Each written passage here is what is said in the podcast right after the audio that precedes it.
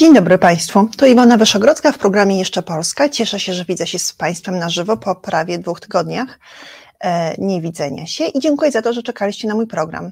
Na razie jestem sama, a o e, sondażach i o tym, jak, jak je ominąć w drodze po zwycięstwo opozycji, będę rozmawiała z Michałem Majewskim już za 50 minut. E, postanowiliśmy, że ta formuła tym razem będzie krótsza, to znaczy wszystkie nasze dane, które zgromadziliśmy i wszystkie przemyślenia, jakie mamy po e, Igrzyskach Wolności, w których bardzo dużo mówiono na temat sondaży i badań, przedstawimy Państwu w tej krótszej formule, czyli tej e, formule dwu, jednogodzinnej. Do tego czasu chciałam, chciałabym poruszyć kilka rzeczy, które które się zadziały w tym tygodniu, a e, o których, a statystyki, haha, zaczynamy statystyki, no właśnie statystyki, statystyki e, zaczniemy za godzinę. Mam nadzieję, że tym razem będziecie do mnie dzwonić i będziecie mówić o rzeczach, które wam się wydawały, e, wam się wydały istotne w ciągu ostatniego tygodnia, może nawet dwóch tygodni, bo ostatnie nasze spotkanie na żywo odbyło się dwa tygodnie temu. No i jak pewnie wiecie, E, Reset Obywatelski jest zaangażowane w wybory, zaangażowane w to, żebyśmy jednak robili coś więcej niż tylko chodzili do urn, bo e, tak jak mówię Państwu od dwóch czy trzech miesięcy, e, nasze statystyki pokazują, że sytuacja jest bardzo trudna i szanse na wygraną maleją w zasadzie od marca. Dlatego coś zrobiliśmy. O, czyli to. Zrobiliśmy taką całkiem grubą książkę Książka, która pokazuje 100 największych afer PiS, które są opisane bardzo prostym językiem, bardzo dużą czcionką, bardzo krótkimi zdaniami. To jest absolutne kompendium, które warto przeczytać nie po to, żeby mieć je sobie na, na stoliku nocnym, bo nie po to e, je wydaliśmy i nie po to E, płaciliście pieniądze na, to, e, na tą e, broszurę, tylko po to, żebyście z tą broszurą poszli do sąsiada albo do znajomego, albo kilka z nich mieli na swoim biurku w miejscu, w którym pracujecie. Może ktoś z Waszych znajomych po to sięgnie, a może ktoś z klientów się tym zainteresuje i to takich klientów, którzy nie zamierzali głosować na opozycję albo w ogóle nie zamierzali głosować, bo to będziemy, o tym będziemy mówić z Michałem Majewskim, ale sytuacja wygląda tak, że na razie ci, którzy chcą głosować, będą głosować w takim rozkładzie, że zabraknie nam mandatów do rządzenia w tej wersji koalicji, którą sobie wymyśliliśmy, czyli koalicji obywatelskiej, Hołowni z e, Kośniakiem Kamyszem oraz e, Nowej Lewicy. Ale być może urodzi się coś nowego i być może nie należy z tego powodu płakać. Tak naprawdę to chciałam się z Państwem podzielić, e, oprócz wielom, tymi rzeczami, które opisałam w, w zapowiedzi programu, czyli e, ile zarabiamy na, e, na ukraińskich naszych gościach, co się dzieje na Lampedusie i jak to wpływa na, na retorykę naszej na, na, na retorykę polityków, którzy się przygotowują do wyborów oraz całej Unii Europejskiej, która przygotowuje się do zmiany przepisów migracyjnych. E, chciałam opowiedzieć o zbrodni w Czernikach, o której Państwo pewnie wszyscy wiecie, ale no ciekawe, co o niej myślicie. E, wszyscy mówią o zbożu dla Ukrainy i trochę tak e, mówią, znaczy o zbożu ukraińskim, ale trochę mówią tak, jakby to zboże ukraińskie było jakimś takim meteorytem, który przebiega przez nasz kraj i coś tam psuje. Tymczasem my te zboże ukraińskie, proszę Państwa, jemy. I nasze świnki jedzą, i nasze kurki jedzą, i nasze prosiaczki jedzą. No, może prosiaczki to nie nasze, tylko chińskie, wychowywane na polskiej ziemi, ale jedzą. My wszyscy korzystamy na, to, na tym, że polskie młyny kupują ukraińskie zboże, ale o tym, do tego też wrócę. E, no ale tak naprawdę wszystko, cały ten zestaw tematów pojawił mi się w głowie, kiedy byłam na Igrzyskach Wolności co socjologowie uważają za błędne, bo nie ma sensu przekonywać wytonu. No dobra, pogadamy, pogadamy. A właśnie, pogadamy. Na naszej, tym razem na mojej stronie przez długi czas e, będzie widoczny numer telefonu, pod których bardzo chciałam, żebyście zadzwonili i żeby, być może te kilka osób, które już kojarzę z, z ich komentarzy, może pojawią się w studio, pogadają ze mną, przynajmniej będę wiedziała, jaki mają głos i co ich w tej chwili frapuje. Igrzyska Wolności, wracając do, do tego, od czego zaczęłam, to jest taki, to jest taka trzydniowa impreza, która dotyczy przyszłości. Jakoś tak się zdarza, że czasem są na niej politycy, znaczy często są na niej politycy i to są politycy zwykłej naszej strony, tej strony demokratycznej, z, z przychyłem na tą stronę e, bardziej liberalną gospodarczo.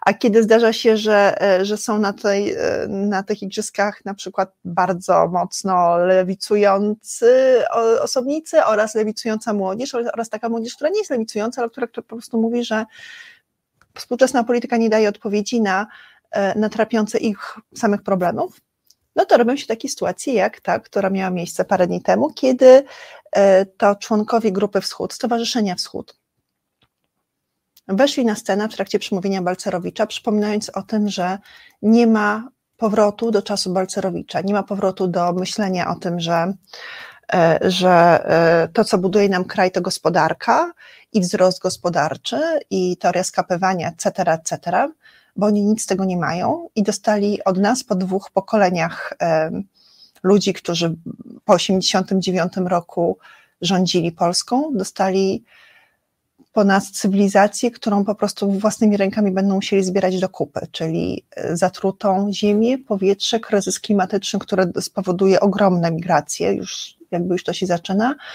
E, oraz kryzys mieszkaniowy, z którym nikt nie chce walczyć, z którym wszyscy uważają, że jakoś sobie wszyscy poradzą, e, jakoś może da się rozciągnąć ową kulturę zapierdolu e, lat 90. na współczesną młodzież, która też będzie pracowała po 12 godzin dziennie i dorabiała w weekendy, dlatego że rata kredytu za, za mieszkanie własnościowe, które kupi, będzie rosła, a nikt nie proponuje im alternatywy, czyli mieszkań, które nie są własnościowe, ale które są wynajmowane latami, na przykład od gminy albo od innych podmiotów, które ze, jakby z udziałem gminy albo Skarbu Państwa, które wynajmują te mieszkania przez lata i dziesięciolecia. E, ja mam na myśli, znaczy ja myślę o tym, że warto na ten temat zrobić raz jeszcze program, bo jeżeli bo e, nic nie wiesz o zbrodni Al Capone w Czernikach naprawdę. No dobrze, będziemy o tym za chwilę mówić, ale wróćmy do tego, e, do tego Leszka Balcerowicza i Grupy Wschód. Grupa Wschód opowiadała o klimacie i opowiadała o tym, że są młodzi i są wciąż traktowani jak dzieci przez owych starszych, którzy dopuszczają do polityki tylko po to, żeby, e, żeby zrobić sobie fotkę z młodymi, mówiąc, o patrzcie, o patrzcie, taki raruk młody, 19 lat, 20 lat, chce do polityki. O, jak mądrze mówi, hmm, hmm, hmm, do samego końca stawia kropkę i zrobił zdanie poczwórnie, podrzędnie złożone. E, wypuśćmy to na przykład na naszego Instagrama i zaprośmy, żeby tworzył nasze social media i nasze TikToki. I tyle jest tych młodych. E, więc ci młodzi z grupy Wschód, którzy byli na Igrzyskach Wolności, którzy opowiadali o, o własnym aktywizmie, opowiadali o klimacie, opowiadali o tym, że mniej interesuje ich polityka, a bardziej interesują ich struktury lokalne i ich aktywizm jest lokalny. I to było w ogóle niezwykłe. To był strasznie fajny panel, którego nikt nie nagrywał który dostał miejsce od organizatorów igrzysk. Zresztą świetne, igrzyska są świetne, Leszek Jeżdżewski z Liberty jest świetny, cała ta organizacja jest super, świetnie, że, że one trwają, bo one naprawdę mówią o rzeczach, o których, e, które potem się przedostają do mainstreamu za jakieś 2-3 lata, więc ja myślę, że o rzeczach, których, o których tam słyszałam, będę, będę czytała w gazetach albo sama będę mówiła z ekspertami za kolejne 2-3 lata, chociaż może nie, bo kilku z tych ekspertów już e, zaczepiłam, prosząc, żeby przyszli do programu i opowiedzieli o rzeczach, które robili, no ale nie ma sensu opowiadania o rzeczach, które się wydarzą, lepiej o tych, które się wydarzyły. Grupa Wschód, dzieciaki, które mają 20 lat, e, weszły w środek przemówienia 70-letniego Leszka Balcerowicza, który dla, dla bardzo wielu członków Igrzysk Wolności i uczestników Igrzysk Wolności jest guru. Jest e, kompletnie niedocenionym i źle potraktowanym, e, źle potraktowanym człowiekiem, który, dzięki któremu nasza, nasza gospodarka stanęła po, na nogi bardzo szybko, E, po, e, po, wielu latach, po wielu latach e, gospodarki socjalistycznej. Kiedy oni już zeszli, bo to zakłócenie miało miejsce jakieś 3,5 minuty, rozwinęli, rozwinęli plakat, powiedzieli o tym, że pieniądze to nie wszystko i żeby pamiętać o tym, że oni zostają z ogromnym długiem klimatycznym po nas i z nierozwiązywalnymi problemami, którymi nie przyjmują się ludzie na szczytach władzy, albo przyjmują się jedynie werbalnie w okresach wzmożenia, czyli w okresach, w których proszą tych młodych o głos co zrozumiał Leszek Balcerowicz z ich wystąpienia? Zrozumiał, zrozumiał to, że są komunistami, nie myślą samodzielnie. I tak też ich określił po tym, jak zaszli ze sceny. co oznacza, że ten, że ten podział, mimo, niby po naszej stronie, po naszej stronie demokratycznej, aktywistycznej, takiej, która dąży do zmiany, która się przyjmuje nie tylko, so, nie tylko sobą samą, tylko przyjmuje się innymi osobami, może nie być totalnie porozumienia, znaczy możemy się kompletnie nie rozumieć nawzajem. Ja sobie patrzyłam na tych młodych ludzi z grupy Wschód, zresztą część z nich, chyba Dominika Losota, jej koleżanka uczestni- znaczy były przepytywane kilka tygodni temu przez Pawła Sita, czy może dwa miesiące temu. I sobie pomyślałam, że oni faktycznie są, jakby faktycznie oni myślą innymi kategoriami niż ja. Nie wiem, czy niż my, ale niż, niż ja. Ja tutaj opracowuję jakieś słupki poparcia. Wymyślam sobie z Michałem Majewskim plan turystyki wyborczej i dzwonię do różnych analityków, mówiąc, pomóżcie nam, firmujcie to własnymi nazwiskami, skoro opieramy się na waszych wyliczeniach, powiedzcie, że tak, że tak właśnie powinien wyglądać ten plan, e, no bo wtedy zgromadzimy więcej mandatów. A ci ludzie mówią, ale nas naprawdę nie obchodzą mandaty, nas obchodzą rzeczy, które są niezałatwione przez lata tutaj na miejscu. I na przykład mówią o tym, że znacznie lepiej im się współpracuje z lokalnymi E, z lokalnymi politykami, czyli samorządowcami, nawet jeżeli mają po 70 czy 80 lat, niż e, z młodymi politykami, którzy zostali przysłani przez swoją partię akurat do tego regionu e, i mają odmłodzić twarz jednej, drugiej czy trzeciej partii. Znaczy, no, trzecia jest stosunkowo nowa, w związku z tym nie ma co jej odmładzać, ale że, że duża polityka to nie jest taka rzecz, która im coś robi która robi im coś na chodniki, czy robi im coś na mieszkalnictwo, czy robi im coś na dostęp na przykład do leczenia zębów takich, takich młodych osób, albo na fakt, że w dużych rodzinach, które mają mieszkania komunalne, sypie się, e, sypią, sypią się tynki na ich głowy i nikt tego nie może naprawić. I ja sobie zdaję sprawę, że jest inna, inny zakres odpowiedzialności rządzących i inny zakres odpowiedzialności y, samorządów. I wiem, że samorządy mają strasznie niedużo pieniędzy i w czasie tego, w czasie tych ostatnich lat mają tych pieniędzy jeszcze mniej, ale aktywizm młodych jest w samorządach. Aktywizm młodych dotyczy tych parków, tych ławek, tych elewacji, tych e, miejsc, w których mogą się spotykać, w miejscach, w których oni, e, oni mieszkają, plus dotyczy klimatu. I to też była jedna z niezwykłych rzeczy, którą w ogóle poznałam w Igrzyskach Wolności. To było olśnienie, kiedy profesor Sadura, który będzie, będzie naszym gościem za tydzień lub dwa, opowiedział o tym, że badał wyborców Konfederacji i wyobraźcie sobie, mówi Sadura, że oni naprawdę się tym klimatem przejmują. Ktoś o tym mówi na grupie fokusowej i cała reszta mówi, nie jest teren, no oczywiście, że masz rację.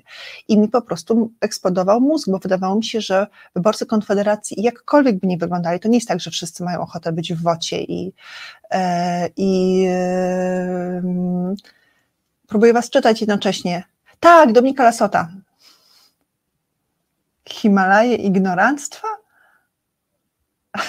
No dobra, Al Capone, to była to jakby formuła, w której napisałeś swoją opinię, w zasadzie niewiele wnosi, oprócz tego, że, że jak, jak rozumiem, Twoim zdaniem wiedziałeś więcej na temat tematów, o, o którym Ci wypowiadała Dominika Lasota niż sama Dominika Lasota. Ja uważam, że warto e, tej grupy słuchać, dlatego że my nigdy w ich wieku nie byliśmy tak zaangażowani. Może nie musieliśmy, a może nie mieliśmy tej świadomości, oni są. Ale o czym ja mówiłam przed chwilą, niech ktoś mi, niech ktoś mi podpowie, bo to jest, no to jest tak, że gubię wątki. A, nie, nie doszło do, do ręcznych argumentów. nie, po prostu, e, po prostu wypowiedzieli cztery słowa i, i zeszli. No więc należy słuchać młodych. Sprawdźcie sobie tą grupę Wschód, Stowarzyszenie, Stowarzyszenie Wschód, bo e, na Facebooku jest jeszcze jakaś grupa rekonstrukcyjna, która Wschód e, kojarzy z, z wyklętymi i z rekonstrukcjami, z granatami, etc. To jakby to nie o tą grupę chodzi. E, no, no, to było właśnie moje olśnienie i olśnieniem był, był Sadura, która powiedział, że słuchajcie, nie zdajecie sobie sprawy, jak bardzo mocno zaangażowani są, znaczy jak bardzo mocno przyjęci są um, wyborcy Konfederacji klimatem i coś, co nam się wydawało, co mi się wydawało, jak ja lubię tak, pewnie wy też lubicie, projektować swoje własne wyobrażenia na całą, na całą grupę osób, z którymi się spotykam, czyli albo moich rówieśników, albo ludzi, którzy mają podobne poglądy polityczne, e, więc lepiej tego nie robić i mówić o sobie. Ja miałam wrażenie, że przejęcie się klimatem to jest taka sprawa społeczna i przynależna wyłącznie do lewicy. I kiedy Sadura powiedział, że ależ wcale tak nie jest, e, młodzi ludzie, którzy głosują na Konfederację, jakby ten, ten element tej, jakby tego tego strachu klimatycznego, tej świadomości klimatycznej e, mają bardzo silny i on nie jest w ich głowach związany z czymś, co ja nazwałam w ogóle chłopakiem w rurkach jeżdżącym na rowerze, że to nie, że to nie jest niemęskie przejmować się klimatem. E, no to wtedy pomyślałam, że ja może o czymś nie wiem i być może konstruowanie dużej polityki jakby w takich szufladach, pod tym szuflada z Konfederacją, faszyści, szuflada z PiSem, E, ludzie, którzy pozwalają kraść tylko dlatego, że jakiś tam ochłap z tych, z tych skradzionych pieniędzy ze Skarbu Państwa im poleci w postaci 14 emerytury albo 500 plus, albo jakiegoś zwolnienia ulgi, etc. E, KO, e, konglomerat absolutnie wszystkiego, który chciałby absolutnie wszystkim rządzić, trochę lewicujący się, ale tak naprawdę bardzo, bardzo katolicki i bardzo tradycyjny. E, lewica e, pod tytułem e, feminatywy, prawa osób LGBT i trochę odsunięcie od praw na przykład pracowniczych, które kiedyś były domeną lewicy i które dotyczyły takich osób, które pracują na śmieciówkach, a które nie powinny pracować na śmieciówkach, tylko na umowach o pracę, etc., etc. No generalnie gdzieś tam moje, moje, moja wiedza o świecie, czy świadomość tego, jakie poglądy reprezentują elektoraty różnych partii, była stała i ona się nie zmieniała, więc ta Igrzyska Wolności i ta świadomość, znaczy i ten,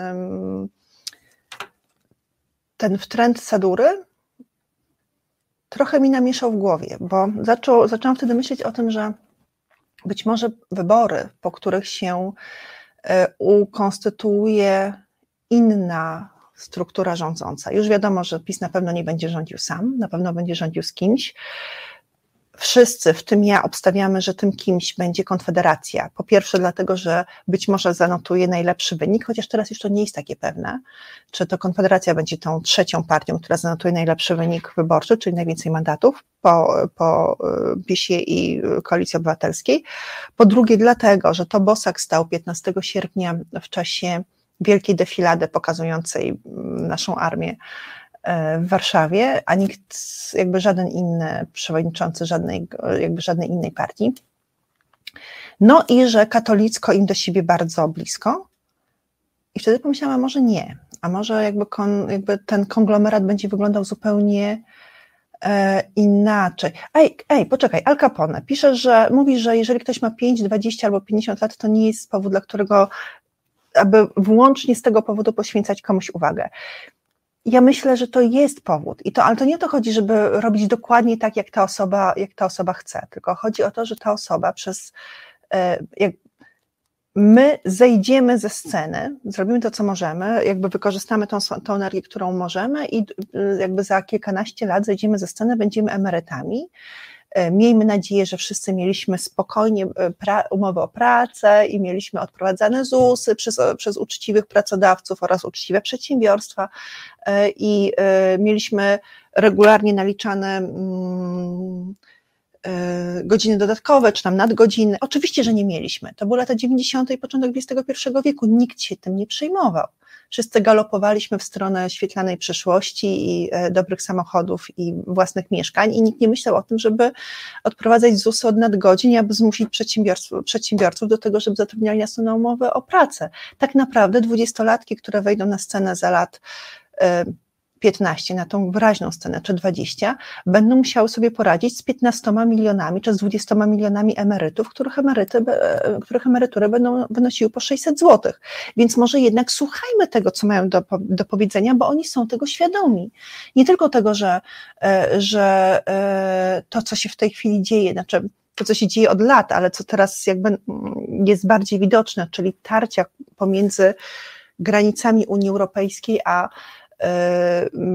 a reżimami, którym się opłacamy jako Unia Europejska, po to, żeby trzymali uchodźców, imigrantów z dala od naszych granic. Pamiętamy, co się stało parę lat temu, kiedy, kiedy Erdogan próbował nakłonić Unię do tego, żeby zaakceptowała jego reżim, kiedy wypuścił wszystkich, wszystkich uchodźców z Syrii oraz z krajów, które są z krajów południowych, nie, na północy od, od Turcji, wypuścił ich z, z obozów, które miała Turcja, mówiąc proszę bardzo, tutaj jest droga do Serbii, do Bośni, możecie sobie, proszę Państwa, iść, jeżeli chcecie do Europy.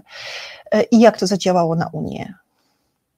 To trwało parę dni, ale Unia zwiększyła, e, zwiększyła ryczałt, czy też trybut, jaki płaci Erdoganowi za to, żeby żywić tych ludzi i trzymać ich na miejscu w zamkniętych ośrodkach i nie pozwalać im się przemieszczać dalej.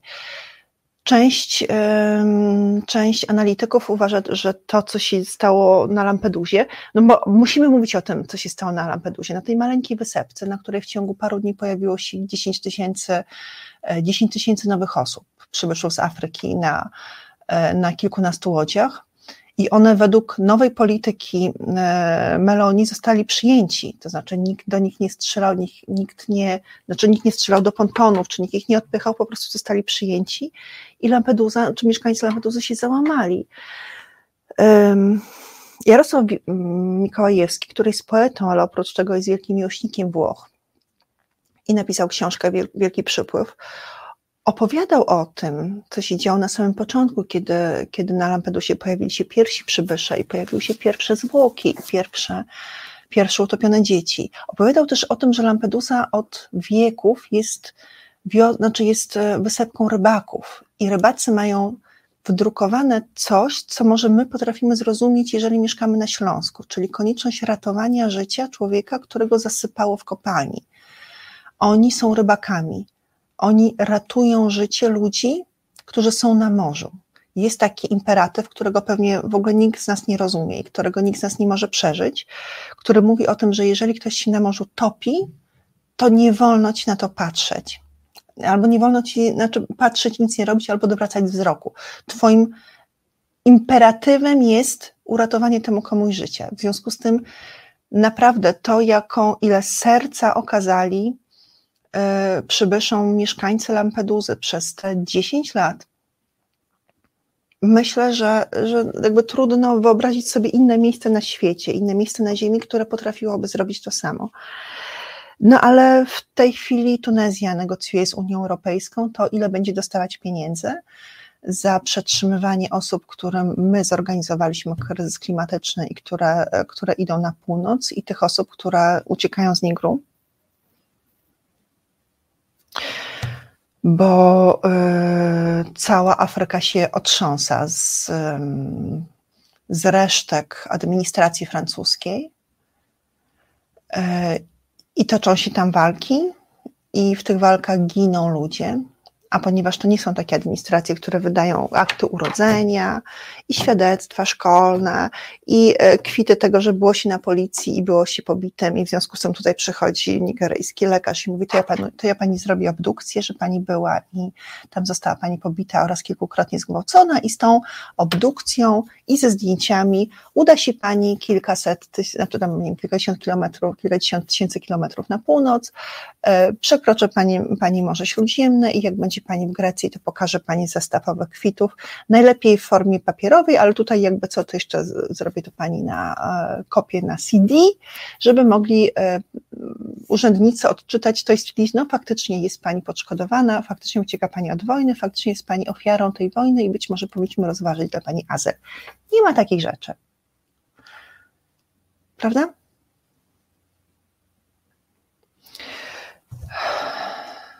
Dlatego te wszystkie historie o tym, że, że będzie się ludzi przyjmować, ale będzie się drobiazgowo sprawdzać, na ile są oni ofiarami wojen, a na ile oni stanowią szpicę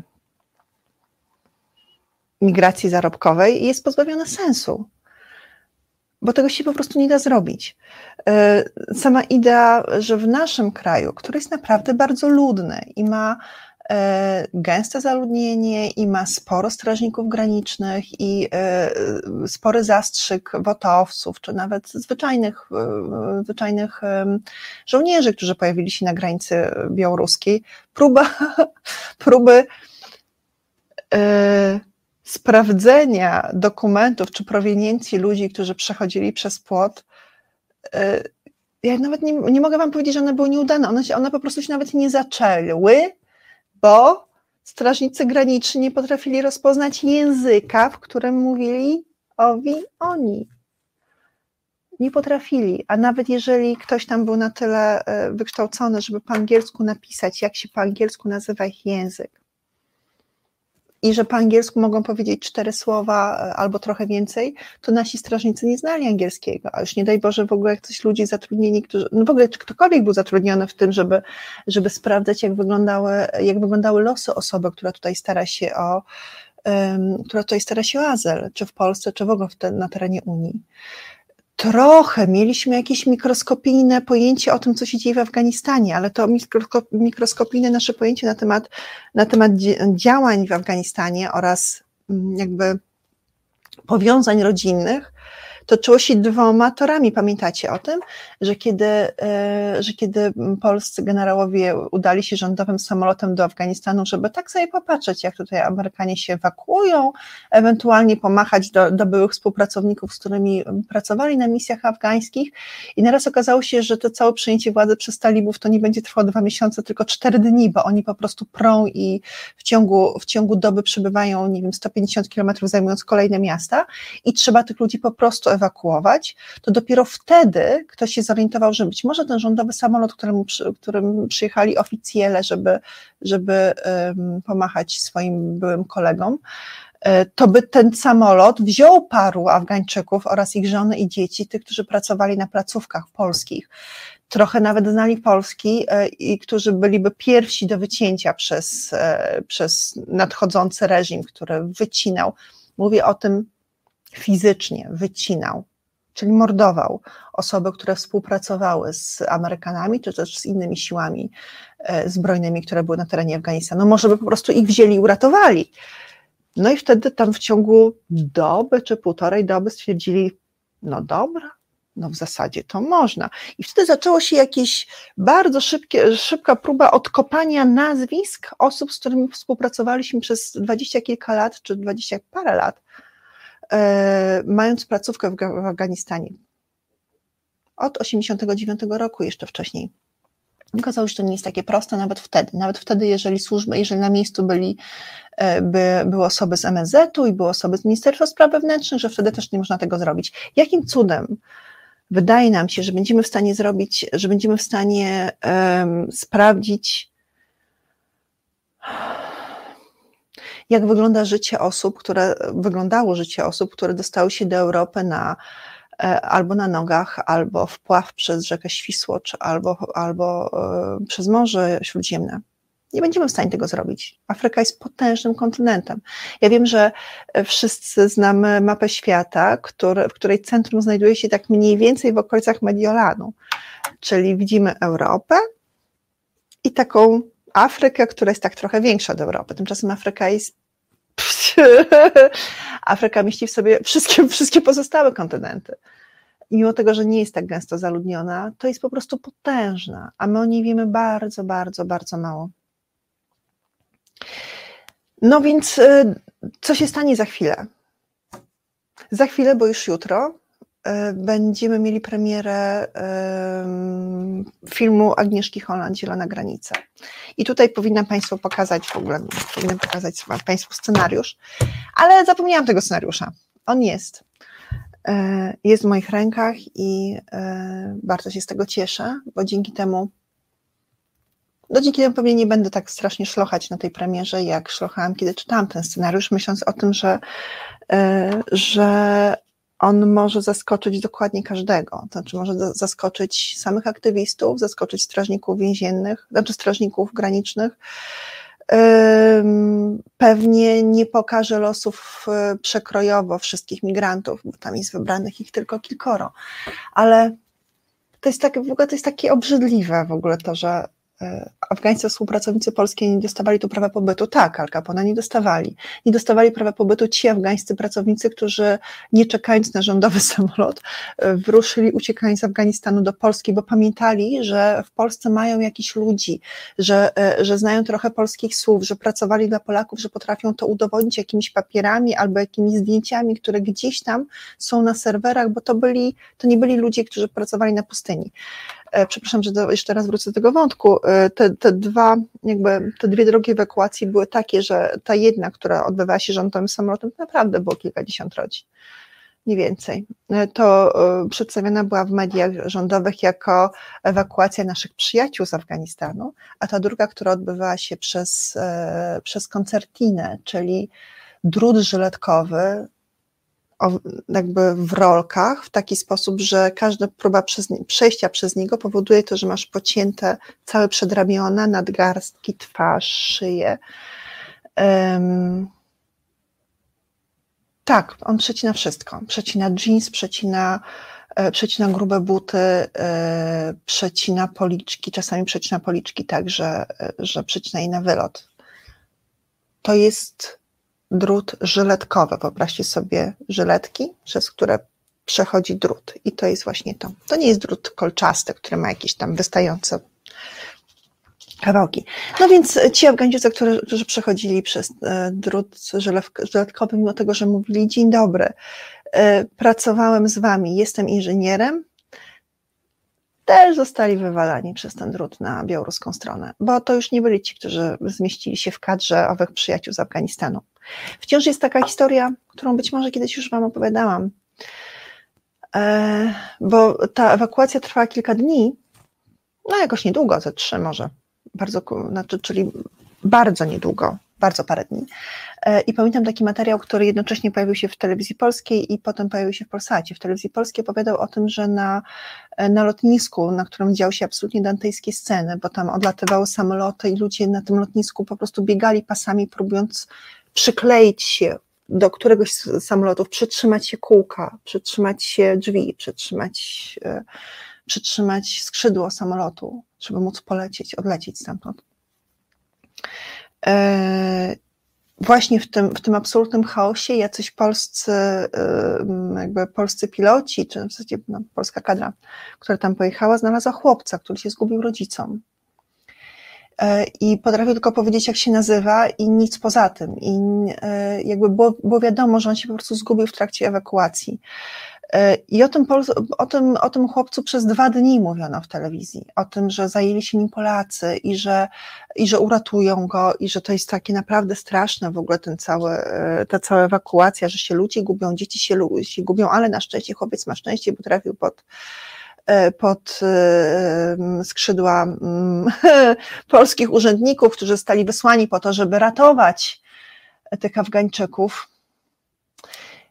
No i taki materiał pojawił się w TVP, e, a materiał o 4 sekundy dłuższy, dokładnie z tymi samymi ujęciami i tak samo napisami, tak, z taką samą narracją pojawił się u Zbigniewa Solorza, Zbigniewa Solorza w Polsacie, który powtarza tą, e, to, co mówi TVP, tylko powtarza to w sposób mniej kategoryczny. W rezultacie wydaje nam się, że wydarzenia Polsatu są, e, są lepszym jakościowo i e, bardziej, bardziej prawdziwym oglądem świata. Nieważne. Te cztery sekundy poświęcone było na komentarz, na komentarz Polacy zostawili tego chłopca na lotnisku. Tak właśnie wyglądała ewakuacja e, z Afganistanu. Być może ktoś wziął tego chłopca potem i poszedł z nim na granicę polsko-białoruską. A może nie. A może po prostu został na tym lotnisku już na zawsze. Dobra, zamknijmy ten temat. Wracając do, e, do Zielonej Granicy Agnieszki Holland, i do pracy, którą wykonała ona, Maciek Pisuk oraz jej siostrzenica e, Sieczka Łazarkiewicz, młoda dziewczyna, która rozmawiała z, e, z ogromną ilością e, pomagających na polsko-białoruskiej granicy osób. E, ten scenariusz powstawał dosyć długo i powstawał po setka godzin rozmów. Maciek Pisu, Macieka, Pisuka, Macieka Pisuka pewnie znacie, e, jeżeli, e, jeżeli widzieliście film, film o, e, o grupie Kaliber 44, czyli Jestem Bogiem, bo to on napisał do niego scenariusz. Dostał za ten scenariusz nagrodę w Gdyni. Ma absolutne serce, ma słuch. I Maciek Pisuk jest facetem, który podjął głodówkę po, po tym, jak, jak w Usnarzu pojawiła się grupa osób, które, której zabroniono dostarczać jedzenie. Pamiętacie to, co się działo dwa lata temu? Franka Starczewskiego, który biegł z torbami z Ikei, z jakimiś rzeczami, z wodą pitną do tej grupy. Mówili o tym e, aktywiści w Usnarzu, mówili o tym aktywiści pod Sejmem. Tam powstało miasteczko i Maciek Pisuk e, dołączył do tego miasteczka i przez kilkanaście dni prowadził protest głodowy, który doprowadził do tego, że nie spotkał się z nami tydzień temu, dlatego że trafił na gastroenterologię. Od czasu tego, od czasu tego protestu głodowego co jakiś czas Maciek trafia na gastroenterologię i tam musi być leczony, albo na, w tym wypadku był operowany, dlatego bardzo Was przepraszam za to, że zapowiedziałam naszą rozmowę tydzień temu i ona się nie odbyła. Maciek, ja wierzę, że, e, że mm, ten scenariusz, z którym pracowałeś razem z Agnieszką Holland i, e, i mm, Sieczką Łazarkiewicz, będzie scenariuszem, który zapamięta świat. E, I wierzę, że Agnieszka Holland ten świat też zapamięta film i będzie miał na to niedużo czasu, dlatego że zbliża się ta ciemna chmura, która, która zmieni nasze podejście, zmieni albo, albo e, zamrozi nasze podejście do imigrantów w całej Unii Europejskiej. Obrazki z Lampeduzy pokazujące te e, ponad 10 tysięcy e, mężczyzn, zwykle mężczyzn, które pojawiły się na Lampedusie, którzy się po prostu nie mieszczą na tej maleńkiej wyspie. Nie mieszczą się, jakby nie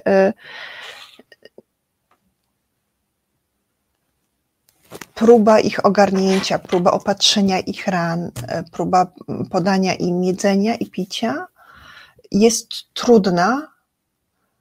E, czekaj, Al Capone pisze, że przecież mogli kupić sobie wizę polską w Misku i już być legalnymi emigrantami. Nie, to tak się nie działo. To oczywiście fajnie jest opowiadać takie historie, że można przyjść w Misku do, e, do firmy, która, która ci sprzedaje wizę, ale żeby przyjść, trzeba po pierwsze mieć 5 tysięcy dolarów, a po drugie trzeba to załatwić kanałami e, MSZ-u, to nie jakby trzeba mieć tam kogoś wyżej postawionego, kto się za tobą ujmie. To jakby idea, że każdy emigrant mógł sobie kupić wizę e, i to wizę wielokrotnego przekraczania granicy w Schengen za 5000 dolarów niestety tak nie działa. Ja wiem, że to jest nośna historia, w ogóle, że można było ją sobie kupić i że kupili ją sobie na przykład e, jacyś pakistańscy czy E, czy hinduscy pracownicy, którzy nie chcieli notabene do Schengen, tylko chcieli do Stanów. Ale zwykle wizy załatwia się w ten sposób, że się rekrutuje takich bardzo, bardzo biednych ludzi, e, i to nie tylko w, e, w, Indiach, ale właśnie w Pakistanie, również w samym Meksyku, w Gwatemali, w Wietnamie, kiedyś działała bardzo prężnie wietnamska mafia, która kupowała wizy, sprowadza się masowo setkami tysięcy pracowników najemnych którzy pracują w Polsce, budują nam petrochemię, budują nam e, elektrociepłownie, e, śpią w osiedlach kontenerów, po 12 osób na przykład w jednym kontenerze, w sześciu pryczach takich piętrowych, dokładnie tak jak wyglądają e, ośrodki dla, dla migrantów złapanych, czyli oni są tam stłoczeni, co dziesiąty, co dziesiąty kontener to jest na przykład toaleta, a co dwudziesty kontener to jest jakieś miejsce, w którym możesz sobie nalać gorącej wody z czajnika zalać sobie coś, jeżeli masz na przykład herbatę, jeżeli ktoś ci przyśle. E, no i, i, właśnie w ten sposób odrabiają te, odrabiają te wizy, odrabiają przez pół roku, przez rok, potem może mogą dostawać e, większe pieniądze. Tak, tak w Polsce e, ku chwale polskiej gospodarki pracują, pracuje kilkaset tysięcy najemników z całego świata którzy przysłani tutaj zostali przez firmy handlujące żywym towarem, bo należy tak to stwierdzić. Żadna, żaden, polska, żaden polski, mm, żadna polska inspekcja pracy, ani żadna inspekcja samorządowa, ani nawet politycy z interwencjami, z interwencjami poselskimi nie pojawiają się w tych budowach, bo do końca nie wiadomo, jak ustosunkowujemy się do tych migrantów, którzy pracują tutaj za e, pewnie nieco, niedużo więcej niż miska ryżu. Czy nam się to podoba, że pracują za miskę ryżu, czy nie podoba? Czy PiS już powiedział, że film Agnieszki Holland to stek kłamstw i szkalowanie Polaków? No oczywiście, że powiedział parę razy, parę razy, ale ja czytałam ten scenariusz, to nie jest szkalowanie Polaków. To jest próba, próba zrozumienia tego, co się dzieje pomiędzy, co się dzieje w głowie strażnika granicznego, który ma ciężarną żonę, kiedy widzi, kiedy widzi ciężarną, e, ciężarną dziewczynę w lesie. E, I próba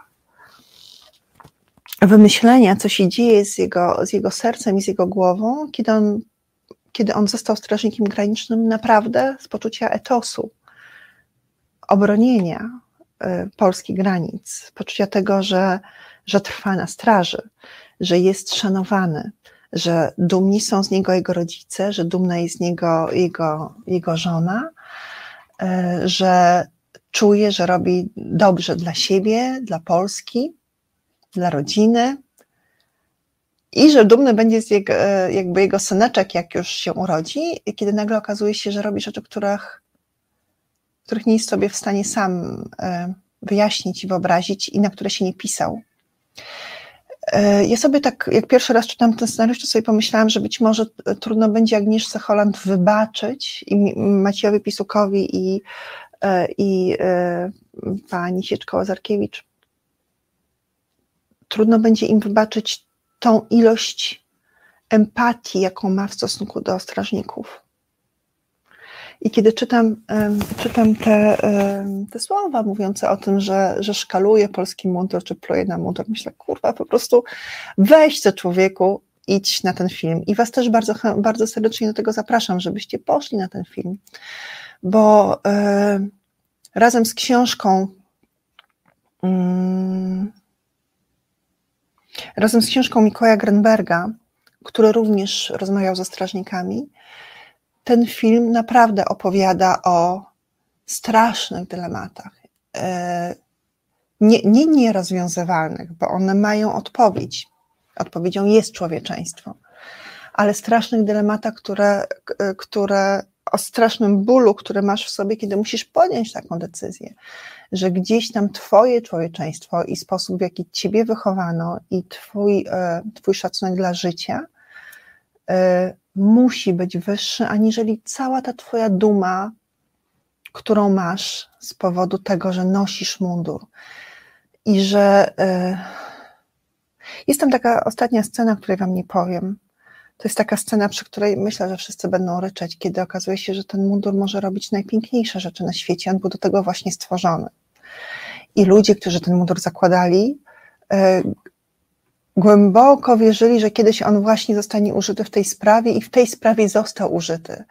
I, e, i w swoim CV mogą zapisać, że szli w tym mundurze, w tym strasznym lutym, tym mroźnym lutym i nosili na rękach dzieci i pomagali, e, pomagali kobietom i podnosili starsze osoby z ziemi. Po to, żeby nikt nie umarł. Tyle, że nie mogliby zrobić tego wszystkiego, gdyby pojechali 50 kilometrów bardziej na północ i zobaczyli takie same kobiety, takie same dzieci, takie same osoby starsze. E, że ten, że ten punkt geograficznie zaczyna się w jakimś miejscu i jakby nie sposób z niego zrezygnować. Lampedusa spowodowała, że Ursula van den Leyen, o już mamy za 15, za 15 minut przyjdzie Michał Majewski, będziemy wam tłukli cyferki. Ale jeszcze powiem wam, że e, Lampedusa spowodowała, że Ursula van den Leyen zapowiedziała, że na najbliższym posiedzeniu e, e, Komisji Europejskiej zaproponuje pakiet ustaw, który będzie bardziej restrykcyjnie traktował migrantów i bardziej restrykcyjnie sprawdzał ich papiery po to, żeby sprawdzić, kto jeszcze może dostać się do Europy, kto nie. W tym samym czasie Francja e, zaproponowała, że może w zasadzie w jednej chwili wziąć przynajmniej tysiąc osób z tej, z tej nieszczęsnej małej Lampeduzy zapchanej, e, bo ma dla nich czas, przestrzeń, e, miejsce na kursach zawodowych i pracę, bo które nikt nie chce, znaczy, których nikt nie chce, nikt nie chce wykonywać, bo wiadomo, że mm, petrochemię i elektrociepłowni też nikt nie chce, nikt z Polski nie chce ich budować za, e, za 4100 brutto, wiedząc, że budują się one gdzieś tam w środku absolutnie niczego, a e, ty będziesz musiał tam pojechać przynajmniej na 3 miesiące albo na 6 miesięcy i spać w kontenerze, za które oczywiście będziesz płacił ze swojej pensji, no bo to nie jest kontener dany ci gratis. No proszę Państwa. Więc tak, więc Francja bierze e, tysiąc osób. Ja się zastanawiałam nad tym, czy, czy, my jeszcze pamiętamy, że w 2015 roku powodem, jednym z powodów, dla którego e, Platforma straciła władzę, było to, było to, że nie potrafiła sobie poradzić z narracją mówiącą o tym, bierzemy 6 tysięcy chrześcijan z Europy, którzy przyjechali, e, którzy przypłynęli do Europy i są chrześcijanami i mogą dołączyć do Polski. I wtedy wszyscy mówili, Jezu, 6 tysięcy, no przecież po prostu zginiemy po czym, e, po czym w 2020 roku mm, pojawiło się u nas 2 miliony Ukraińców i jakoś nie zginęliśmy. A propos Ukraińców, muszę Wam teraz, e, muszę Wam teraz powiedzieć o paru cyferkach, ponieważ ponieważ jest taka, no już jakby odwróciło się trochę koło historii, dookoła nas jest mnóstwo sarkania dotyczącego tego, że a, Ukraińcy, tyle im płacimy, a oni tacy niewdzięczni, chcą jeszcze, żeby, żebyśmy kupowali ich zboże. Oni nie chcą, żebyśmy kupowali ich zboże. Oni to zboże wysyłając im kompletnie wszystko jedno, czy kupi je Francja, Jemen, Stany Zjednoczone e, czy, czy Marrakesz. To, że ukraińskie zboże chcą kupować polskie piekarnie, polskie młyny, jest wynikiem tego, że to zboże jest tanie i dobre. I być może powinniśmy zmusić w ogóle e, na przykład polskie sklepy winiarskie, żeby nie kupowały, e, nie kupowały australijskiego, australijskich win, ani win z południowej Ameryki, ani z, z Włoch, tylko kupowali wyłącznie z lubuskiego, albo powinniśmy na przykład zmusić elektrociepłownię, żeby zaopatrywała się wyłącznie w jastrzębskiej, y, jastrzębskiej spółce węglowej i kupowała węgiel, który jest 7 razy droższy aniżeli ten z Kazachstanu, dzięki czemu nasze, e, nasze rachunki będą nie 7 razy wyższe, tylko 14 razy wyższe, no bo, no bo wiadomo, że gdzieś tam po drodze będą jakieś prowizje. Może wszystko to powinniśmy zrobić, no ale nie robimy. E, uznaliśmy jako, jako członek Unii Europejskiej, zgodziliśmy się na to, że wpuszczamy płody rolne e, ukraińskie do, do Europy i kto chce, ten je sobie kupuje. Na razie pierwsi do tego, żeby je sobie kupować, były, e, były polskie młyny oraz polskie firmy, które, które produkowały pasze dla polskich świnek i kurczaków i cielątek no i jakby i my na tym korzystamy oczywiście, bo, bo tańsza pasza dla tych, yy, dla tych producentów mięsa znaczy tańsze mięsko i mniej, znaczy mniej pieniędzy, jakie płacimy na zakupy, za zakupy. I tak oczywiście żywność nam, nam drożeje najbardziej za wszystkiego ale jednak, e, ale jednak e, byłaby, znaczy drożałaby bardziej, gdybyśmy, gdybyśmy płacili więcej za zboże. Ale nie, nie o tych cyferkach chciałam Wam powiedzieć. Chciałam Wam powiedzieć o tym, jakie to ogromne przychody generują nam, jest już mój gość, super, e, jakie ogromne przychody generują nam Ukraińcy, którzy, od 20, od, które, którzy pojawili się w Polsce w 2020 roku. Otóż, wydaliśmy w 2022 roku na socjale, czyli na, e, na 500 plus dla Ukraińców, 6 miliardów złotych. To sporo. Ale ponieważ Ukraińcy od razu mogli podjąć u nas pracę, a w zasadzie przyjeżdżali, chcieli tą pracę podejmować jeszcze zanim zdjęli buty z, z nóg, e, i Ukrainki, bo to w większości były Ukrainki, poszły do pracy, do legalnej pracy, bo okazało się, że wszyscy mogą pracować legalnie, e, nie potrzebują jakichś specjalnych wiz i specjalnych pozwoleń. E, praca leży na ulicy, bo my tej pracy mieliśmy dużo, tylko mieliśmy ją za znacznie niższe pieniądze niż te, po które chciało nam się schylić. One się schyliły i w, w podatkach, które odprowadziły ze swojej własnej pracy do Polski, e, oddały nam 10 miliardów złotych. I okazało się, że 2022 rok to jest pierwszy rok, nie 2021 to był ten rok, pierwszy, w którym okazało się, że ZUS naraz dostał pierwszy raz więcej pieniędzy niż wydał na wszystkie osoby, e, na wszystkich emerytów i rencistów. Okazało się, że przyjechało tyle nowych osób i, po, i tyle nowych osób podjęło legalną pracę, w której płacili składki ZUS-owskie, że do ZUS-u spływało więcej pieniędzy niż wydawał. Pierwszy raz od 20 lat ZUS nie wziął kolejnej pożyczki w, w, w skarbie państwa. Potraficie to sobie wyobrazić, że ten niewydolny twór, do którego wszyscy mieliśmy pewność, że będziemy do końca życia do niego dopłacać, że on będzie po prostu e, takim taką studią, do którego za każdym razem z budżetu trzeba będzie dosypywać jakieś pieniądze po to, żeby nie pomarli nam z głodu nasi emeryci. Naraz powiedział, ej, ej, I'm good, w ogóle nie potrzebuję pożyczki, bo właśnie dostałem tutaj półtora miliona pracujących Ukraińców, którzy zasypali niegotówką. Podatki pracujących to 10 miliardów, ale to nie wszystko. Kiedy, kiedy przyjechali ci Ukraińcy, to zaczęli kupować towary i usługi. E, I e, rozmaite e, jednostki rządowe i pozarządowe mm, szacują wartość owych towarów i usług na od 13,5 do 17,5 miliarda złotych, średnio jakieś 15,5 miliarda. Co oznacza, że te towary i usługi, które, które kupili mm, na rynku, spowodowały, że właściciele owych sklepów, czyli sprzedawcy tych towarów i usług, uzyskali dochód, od którego, będą, od którego odprowadzili podatek. I ten podatek trafił do Skarbu Państwa i tego podatku było, słuchajcie, kolejne 3,5 miliarda. Co oznacza, że, e, że e, sami Ukraińcy przynieśli nam 13,5 miliarda zysku, a kosztowali nas 6 miliardów. Czyli jesteśmy 7,5 miliarda na plusie. I tak, proszę Państwa, należy zarządzać emigracją.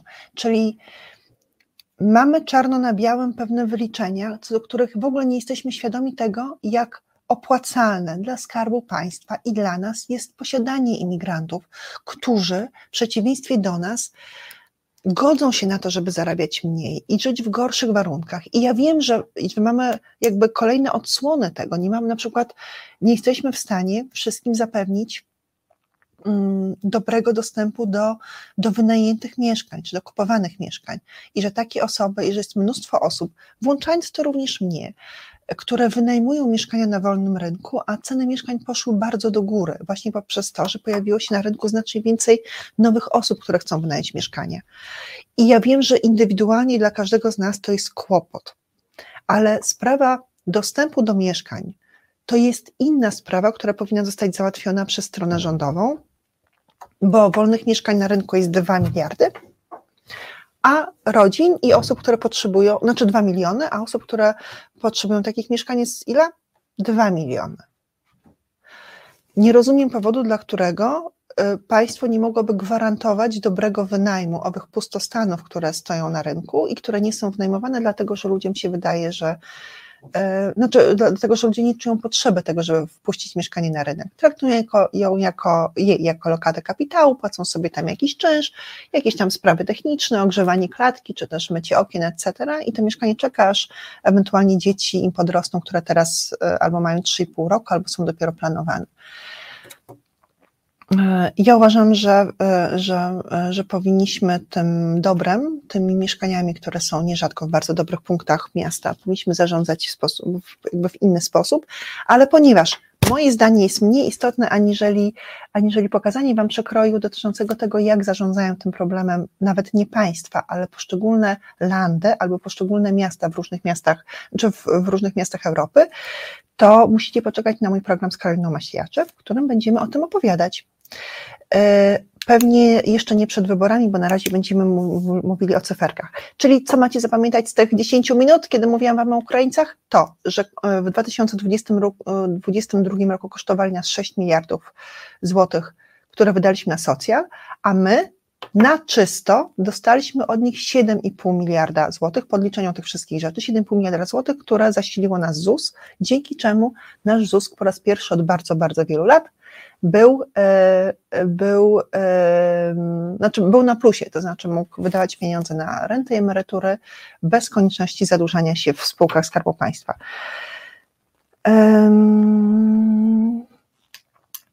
Naprawdę nie słyszeliście o Czernikach? O wsi Czerniki w, Pormo, w Pomorskiem. We wsi Czerniki zamieszkała para dwudziestolatków i pani Hania, Hania, rodziła dzieci rok po roku, rok po roku, rok po roku. Dzieci rodziły się w domu, odbierał je e, jej mąż. E, trafiała potem z takim nowonarodzonym dzieckiem, albo od razu, albo po paru dniach, czy po paru tygodniach do, do szpitala, żeby to dziecko zarejestrować, gdzieś tam sprawdzić, czy wszystko ok. Pani Hania była bardzo, e, bardzo zdrowa, w związku z tym rodziła te dzieci zdrowo, nie umierając. Umarła dopiero po 12, e, jak już była kompletnie łysa, już nie miała zębów, no bo nie da się rodzić dzieci tak rok po roku, nie da się być cały czas w ciąży. To czasami robimy krowom, żeby cały czas były w ciąży i dawały nam mleczko, ale jak robimy to kobietom, żeby cały czas były nam, nam w ciąży i, e, i cały czas mogły karmić piersią i cały czas nosiły w środku babyka, to w końcu organizm kobiety po prostu um, mówi, to ja pasuję i kobiety umierają. Więc pani Hania umarła, a ponieważ e, jej jurny małżonek został sam z dwunastką dzieci i ze swoim popędem seksualnym, to wkrótce, e, wkrótce z brzuchem po wsi Czerniki zaczęła chodzić najstarsza z jego, z jego córek, A jedna z młodszych córek, która miała wtedy 5 lat, została jego kochanką parę lat później. E, I 15 e, lat po śmierci pani Hani i po tym, jak starsze jej dzieci opuściły ten straszny dom, a jedna z młodszych jej córek została kochanką jej męża, wtedy koleżanki tej młodszej córki, które razem z nim, które razem z nią e, odbywały praktyki w jakimś sklepie spożywczym, zadzwoniły na policję, bo zorientowały się po pierwsze, że, e, że po ich koleżankę przyjeżdża ojciec, ale ten ojciec nie zachowuje się jak ojciec. Trzyma koleżankę za biust albo za pupę, albo zgoli jej głowę po to, żeby, żeby owa dziewczyna nie miała innych adoratorów, a po drugie zauważyły, że dziewczyna była w ciąży, a już nie jest. I kiedy przeszukały jej telefon i zobaczyły SMS-y, które wymienia z ojcem, do którego mówiła po imieniu i nie nazywała go ojcem, z których wynikało, że było dziecko, to zawiadomił policję. Policja przyjechała do tego strasznego domu, w którym już nie było dwunastki dzieci, tylko, była, e, tylko był ojciec, jego jedna z młodszych córek, która w chwili, kiedy umarła jego żona, miała 5 lat, a teraz miała już 20. E, I jeden z młodszych synów. I zaczęła kopać w piwnicy i wykopała um, najpierw dwoje noworodków, a potem szukała dalej i wykopała jeszcze trzeciego o znacznym stanie rozkładu. Być może to trzecie dziecko należało do najstarszej córki, która chodziła z brzuchem jako piętnastolatka tuż po śmierci swojej, swojej matki. To był dom zły, ale ten dom zły nie stał w środku pustyni. Ten dom zły stał w mikroskopijnej miejscowości Czerniki. I przy tym domu był przystanek, z którego dzieci jeździły do pobliskiej szkoły, a w szkole był orlik, był psycholog szkolny, e, był kościół i plebania, która została wyremontowana w ciągu ostatnich paru lat, było, e, była pamięć o tym, o tym mężczyźnie i o jego żonie i o dwunastce dzieci, która karnie chodziła za tym mężczyzną przez wiele lat. I były opowieści mieszkańców, w zasadzie nie, nie opowieści, tylko, tylko puszczane półgłosem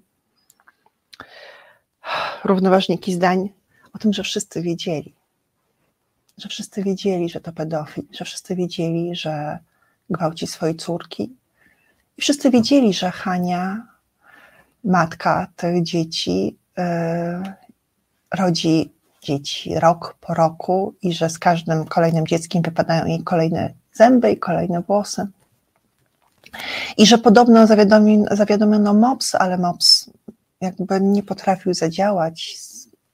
Przybył, zapukał, z nikim się nie spotkał, odjechał, Mopsu może było za mało. Wieś, wieś Czerniki nie jest na jakiejś trasie, która wiedzie skądś dokądś. Ja obejrzałam ją sobie na, e, na mapie Pomorskiego i to jest dokładnie nigdzie. W środku, w środku niczego.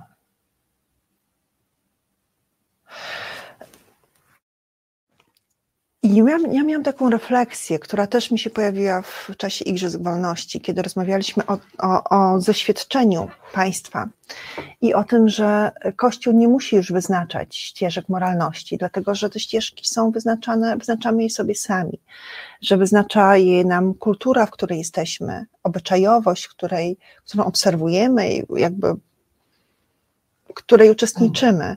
I jakaś moralność, którą mamy w sobie, e, która nie opiera się na modelu chrześcijańskim. I zastanawiałam się, na czym opiera się moralność i ten kościec, który mają, e, który mają wszyscy mieszkańcy Czernik i nauczycielki, i psycholog szkolny, i ten, e, i ten ksiądz, i ci pracownicy MOPS-u, pewnie zaorani, bo to nie jest tak, że pracownicy MOPS-u, pracownicom MOPS-u się nie chce. To jest jakaś grupa zawodowa, która zarabia, nie wiem, mniej niż sprzątacze e, ulic i jest jej za mało, a wszyscy ją winią za to, że dookoła jest, jest zło, a ona on, a ci pracownicy temu nie zapobiegli. To proszę bardzo, idźcie, idźcie pracować do MOPS-u. Będziecie zarabiali 3600 e, e, brutto, z dodatkami może, może 4,5. Zostawiam Wam z tym, bo ja nie mam, ja nie mam żadnej konkluzji związanej z wsią Czerniki i z aferą, którym mówi się o polskim Fritzlu, ale w zasadzie tylko po to, żeby, żeby podbić bębenek. Chodzi o to, że naprawdę wszyscy wiedzieli. I że my też wiemy o pewnych rzeczach, które się dzieją na naszych klatkach, prawda? Wie, wiemy o tym, kto pije, kto się awanturuje, wiemy, e, wiemy, które dziecko czasami pojawia się zimą w kapciach na, e, na podwórku. Czy znacie Państwo numer do Waszego MOPS-u? Do tego, który jest najbliższy Waszemu miejscu pracy, albo znacie numer na swój własny komisariat, ten, który jest najbliżej miejsca, w którym mieszkacie. Może pora, żebyście się dowiedzieli, jaki to jest numer i żebyście karteczkę z tym numerem, trzymali, chciałam powiedzieć obok telefonu, ale to są, tak, jesteśmy już w XXI wieku, więc warto go to po prostu wpisać sobie w swój własny telefon. Yy, zamykamy tę część, prawda? Strasznie, jakby strasznie tego słuchać, ale jakby nie, jakby nie mogę Wam polecić nic więcej. Yy. Dobra, Mamy już Michała Majewskiego, czyli będą cyferki i będą yy, optymistyczne i pesymistyczne sondaże. E, teraz zrobimy minutę przerwy, e, podkre, znaczy podpiemy, pod, podepniemy naszego gościa do mikrofonu i zapraszam za chwilę. Będziemy mówić już wyłącznie o nadchodzących wyborach i o strategiach, jakie należy wtedy podjąć. Do usłyszenia za chwilkę. Obywateluj razem z nami. Wejdź na stronę resetobywatelski.pl i dołącz do nas wybierając odpowiednią formę wsparcia. Dąż do akcji, e, napisz do Resetu Obywatelskiego i powiedz, ile chcesz. Mamy naprawdę bardzo dużo tych broszur i one są bardzo ciężkie. Ile chcesz tych broszur? One nie są dla ciebie, dla twoich znajomych. One są po to, żeby móc przekonać nieprzekonanych. A dlaczego chcemy przekonywać nieprzekonanych? E, bo szczerze mówiąc, chyba jest taki jest sens kampanii wyborczej, żeby przekonywać po prostu tych nieprzekonanych, tak najzwyczajniej w świecie. A dużo mamy tych nieprzekonanych teraz? Znaczy myślę, że zawsze mamy e, ludzi nieprzekonanych i e, ja powiem szczerze, ja najbardziej ubolewam nad takim elementem, że ludzie głosują bardzo emocjonalnie ostatecznie, tak? I tak naprawdę cała ta kampania nasza jest nastawiona na to, żebyśmy może, może nie, żeby, czy politycy chcą, chcą w nas rozpalić najrozmaitsze emocje, tak? A to powinna być dość taka, powiedziałbym, wyważona decyzja, kto jest, kto najlepiej nadaje się do rządzenia Polską na najbliższe 4 lata. No o tym tak naprawdę ten nasz głos ma zaważyć, a nie czy ktoś mnie w tym tygodniu zdenerwował, czy nie. I to... Okej, okay. i swoje stanowisko będzie, będzie przedstawiał teraz Michał Majewski, który jest ekonomistą z e, Uniwersytetu Warszawskiego i jednym z, z pomysłodawców e, zrobienia absolutnie skoordynowanej akcji turystyki wyborczej. No to opowiadaj. Tak, yy, spotkaliśmy się tutaj trzy tygodnie temu, wtedy tak też yy, opowiadałem o różnych rzeczach yy, dotyczących tych wyborów.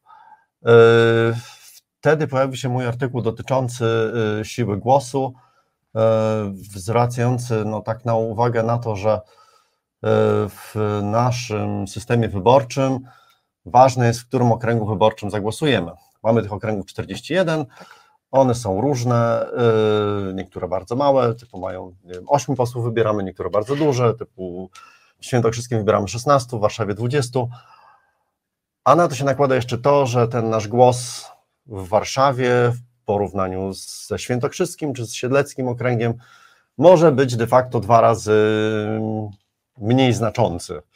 E, znaczy to tyle, że. Czyli dobrym pomysłem jest po prostu wyjechać gdzieś na wieś i po prostu sobie zagłosować. Znaczy, no, gdzieś na wieś to może jest trochę uproszczenie, ale często faktycznie jest tak, że e, te okręgi z najmniejszą siłą głosu to o, są zobacz, okręgi masz, masz e, takie jak Warszawa, okręg podwarszawski, okręg poznański, krakowski, gdański, także faktycznie to de facto dotyczy największych miast. Ta, tam ta nasza siła głosu jest najmniejsza.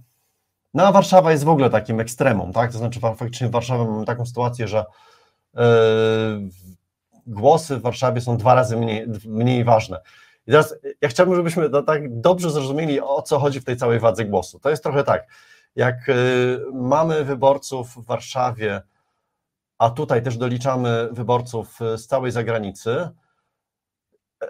mamy ich w, powiedzmy milion czterysta tysięcy osób. To tak było w 4 lata temu, tyle mieliśmy y, wyborców. To, że oni mają dwa razy mniejszą siłę głosu, to to wygląda mniej więcej tak, jakbyśmy y, ustawili w jednej kolejce te milion czterysta osób i do jednej urny wyborczej, ale karty do głosowania dostawałaby tylko co druga osoba. Także z tych miliona czterystu tysięcy głosów mamy 700 tysięcy kart, do, do, do, do, do jak gdyby tak, taka jest siła tego głosu, tak, tak mała, tak, co druga osoba jakby nie miała własnego głosu, a w Świętokrzyskim każdy dostanie po jednej karcie, tak? Także ale, to, ta, ta, taka jest to historia. Bo zaczęło się w 2011 roku, prawda? Kiedy, kiedy zaczęto, kiedy, kiedy zmodernizowano ten system e, głosowania. Znaczy, to, to, trochę jest tak, że, że tam jest parę takich, e, parę się elementów nakłada na to, z czego to wynika. E, nie wiem, czy tak musimy w, to, w te wszystkie elementy nie, wchodzić. Ja bym chciała, bo... bo... to jest w ogóle ładna historia, ona, bo, bo to, to, że teraz jest taki bajzel, to nie znaczy w ogóle, że, że zawsze był bajzel, bo zaczęliśmy od czegoś bardzo porządnego, który, który, znaczy zaczęliśmy od takiego podziału na 40, na 41 okręgów, w którym przydzielono, że w tym okręgu będzie tyle mandatów, a w tym tyle i wtedy mniej więcej, bo ja sprawdzałam to właśnie w, e, gdzieś tam w źródłach, na jeden mandat miało przypadać około 80 tysięcy głosów. Tam plus minus.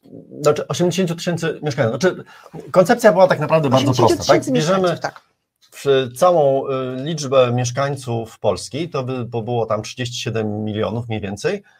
Dzielimy to na 460, czyli tyle, ile mamy mandatów poselskich, i z tego nam wychodzi mniej więcej, ile mieszkańców przypada na jeden mandat. Potem mamy tam trochę tam zaokrąg... znaczy mamy reguły dotyczące zaokrągleń, tak? I z tego nam na przykład wychodziło, że dla y, jak mieszkańców, y, liczbę mieszkańców Warszawy podzieliliśmy przez 460, to na tamten moment wyszło nam 20. I wtedy wyszło, że tyle powinniśmy mieć mandatów. Okay, Natomiast czyli, jeszcze w kodeksie w wyborczym. W 2015, 2011 roku to działało. To znaczy, tak, y, jakby gęstość zaludnienia w tych okręgach była taka, że mniej więcej, odpo- znaczy, że, że one mniej więcej odpowiadały właśnie tym, tak, tak, tym 80 tak, tysiącom, ale minęło lat 12. Znaczy, jeszcze jest jeden ważny element w tym wszystkim. Y, kodeks wyborczy jest też bardzo prosty w tym, w, w, w tym temacie. Y, przed każdymi wyborami powinniśmy przeliczyć mieszkańców na nowo i jeżeli są zmiany, to zrobić te zmiany. I to jest jak, tak naprawdę powinno być to kompletnym automatem, tak? Czyli Państwowa Komisja Wyborcza w październiku poprzedniego roku powiedziała, słuchajcie, według zasad kodeksu wyborczego należy zrobić zmiany w 21 okręgach wyborczych. No i to, to, ja też, bo to jest często powiedziane, że to jest e, opinia e, Komisji Wyborczej. To nie jest opinia Komisji Wyborczej, to jest e, to są zasady kodeksu wyborczego, tak? Znaczy to, to nie jest, one tam są zapisane i to de facto każdy da, mając te dane, a dane są publiczne, mógłby to samemu policzyć, tak? Także to, to, to nie, nie ma tutaj żadnej jakiejś tam wiedzy specjalistycznej komisji wyborczej. Yy, I problem jest taki, że yy, Sejm tych zmian nie wprowadził, to też wynika z tego, że tak naprawdę nie znalazło się żadnych 15 posłów, którzy by zgłosili taki wniosek. Znaczy, y, tradycyjnie. Okej, okay, dobra, się, tak, czyli jest jak jest. Mamy, mamy te różnice. Czy wiemy, że od, w ciągu tych, w ciągu tych 12 lat, od 2011 roku, pewne regiony się zestarzały pewnych regionach ludzie umarli i nie przyszli, nie urodzili się nowi. Inne, takie jak Warszawa, doszlusowało do nich mnóstwo osób, bo nadal mamy tą turystykę, mhm. znaczy turystykę, znaczy nadal mamy to sanie takie, że Warszawa zasysa e, dużo młodych osób, które chcą tutaj być, płacą tutaj podatki. Warszawa ma fajny taki wewnętrzny system zachęcający ludzi do tego, żeby rozliczali się z podatku w Warszawie, no bo Warszawa dostarcza też dużo fajnych rzeczy ludziom, ale nadal ma te swoje 20 mandatów, mimo tego, że od 2011 roku e, liczba jej mieszkańców się zwiększyła. Oprócz, oczywiście oprócz tego, że do Warszawy zalicza się całą Polonię, czyli tak. cały świat i Warszawa ma tylko 20 mandatów. E, Ale dobra, jest jak jest, mamy, tak, mamy tą sytuację. Trochę jest jak jest, tak. Ja myślę, że, że właśnie e, to, to będzie wymagało więcej zmian, myślę, na przyszłość. Natomiast, żebyśmy jakby nie spędzali teraz czasu na, na, na, te, na te zastanawiania się, wydaje mi się, że warto się zastanowić, co możemy zrobić teraz. A jak tam sondaże? Jak tam sondaże? Yy, powiem tak, że ja trochę na sondaże zaczynam patrzeć w ten sposób, że u, mamy trzy mniejsze partie, dwie, dwa, dwie większe partie, tak? Te trzy mniejsze partie, Lewica, Trzecia Droga, no Trzecia Droga jako koalicja i Konfederacja, one gdzieś tam się plasują około 10%, E, no i mamy dwie duże, które się plasują tam 30-35%. No i to chyba w takich e, przestrzeniach się poruszamy. E, I teraz jaki będzie efekt końcowy, no to jest faktycznie no jeszcze sporo się może w tej e, no kampanii nie, wydarzyć. No sondaże, wiesz, okay. mamy, mamy y, chyba dziewięć sondaży września, czyli wszyscy wrócili z wakacji, tak, już ze swojej RODOS -huh. i mhm. Jastrzębiej Góry, wszyscy usiedli i zaczęli odpowiadać na telefony, na telefony ankieterów z pytaniami, a na kogo będzie Pan głosował w przyszłym, a gdyby wybory były w ten weekend, na kogo by Pan głosował? W związku z tym sondaże września e, jakby są znacznie bardziej, znaczy może nieznacznie, ale odrobinkę bardziej miarodajne, aniżeli te sondaże robione latem. No i co nam wychodzi? Eee, znaczy, powiem jedną rzecz na temat sondaży, tak? bo, bo e, żebyśmy też mieli świadomość. E, tak jak mówiłem o tych 41 okręgach wyborczych, e, to one się rządzą kompletnie swoimi własnymi prawami. To znaczy, mandaty i głosy są, znaczy głosy najpierw są liczone na etapie, na, na poziomie okręgu wyborczego i tak samo mandaty są przyznawane w okręgu wyborczym. I teraz, y, no, no, jak spojrzymy na dane z 2019 roku, to były takie miejsca, gdzie y, zarówno PiS, y, jak i Koalicja Obywatelska do mniejszego stopnia miały takie okręgi, gdzie miały poparcie, nie wiem, ponad 50%, ale miały też takie, momenty, takie miejsca, gdzie miały poniżej 20%, tak? I wydaje mi się, że dobrym taką Dobrą lekcją dla nas wszystkich jest y, naprawdę zorientowanie się, w którym my okręgu wyborczym w ogóle oddajemy ten nasz głos. E, że to nie jest jakaś taka wielka maszyna, gdzie te wszystkie głosy tam się zliczają i że e, liczy się ta nasza krajowa, e, krajowy procentowy wynik danej partii, tylko liczy się tylko i wyłącznie wynik w naszym okręgu. Tak? Także nie, ja, ja znaczy, nie, nie, trzeba powiedzieć, do czego się, znaczy, trzeba powiedzieć, jakby do czego służy zliczanie głosów w całej mhm. Polsce. Do dwóch rzeczy, nie?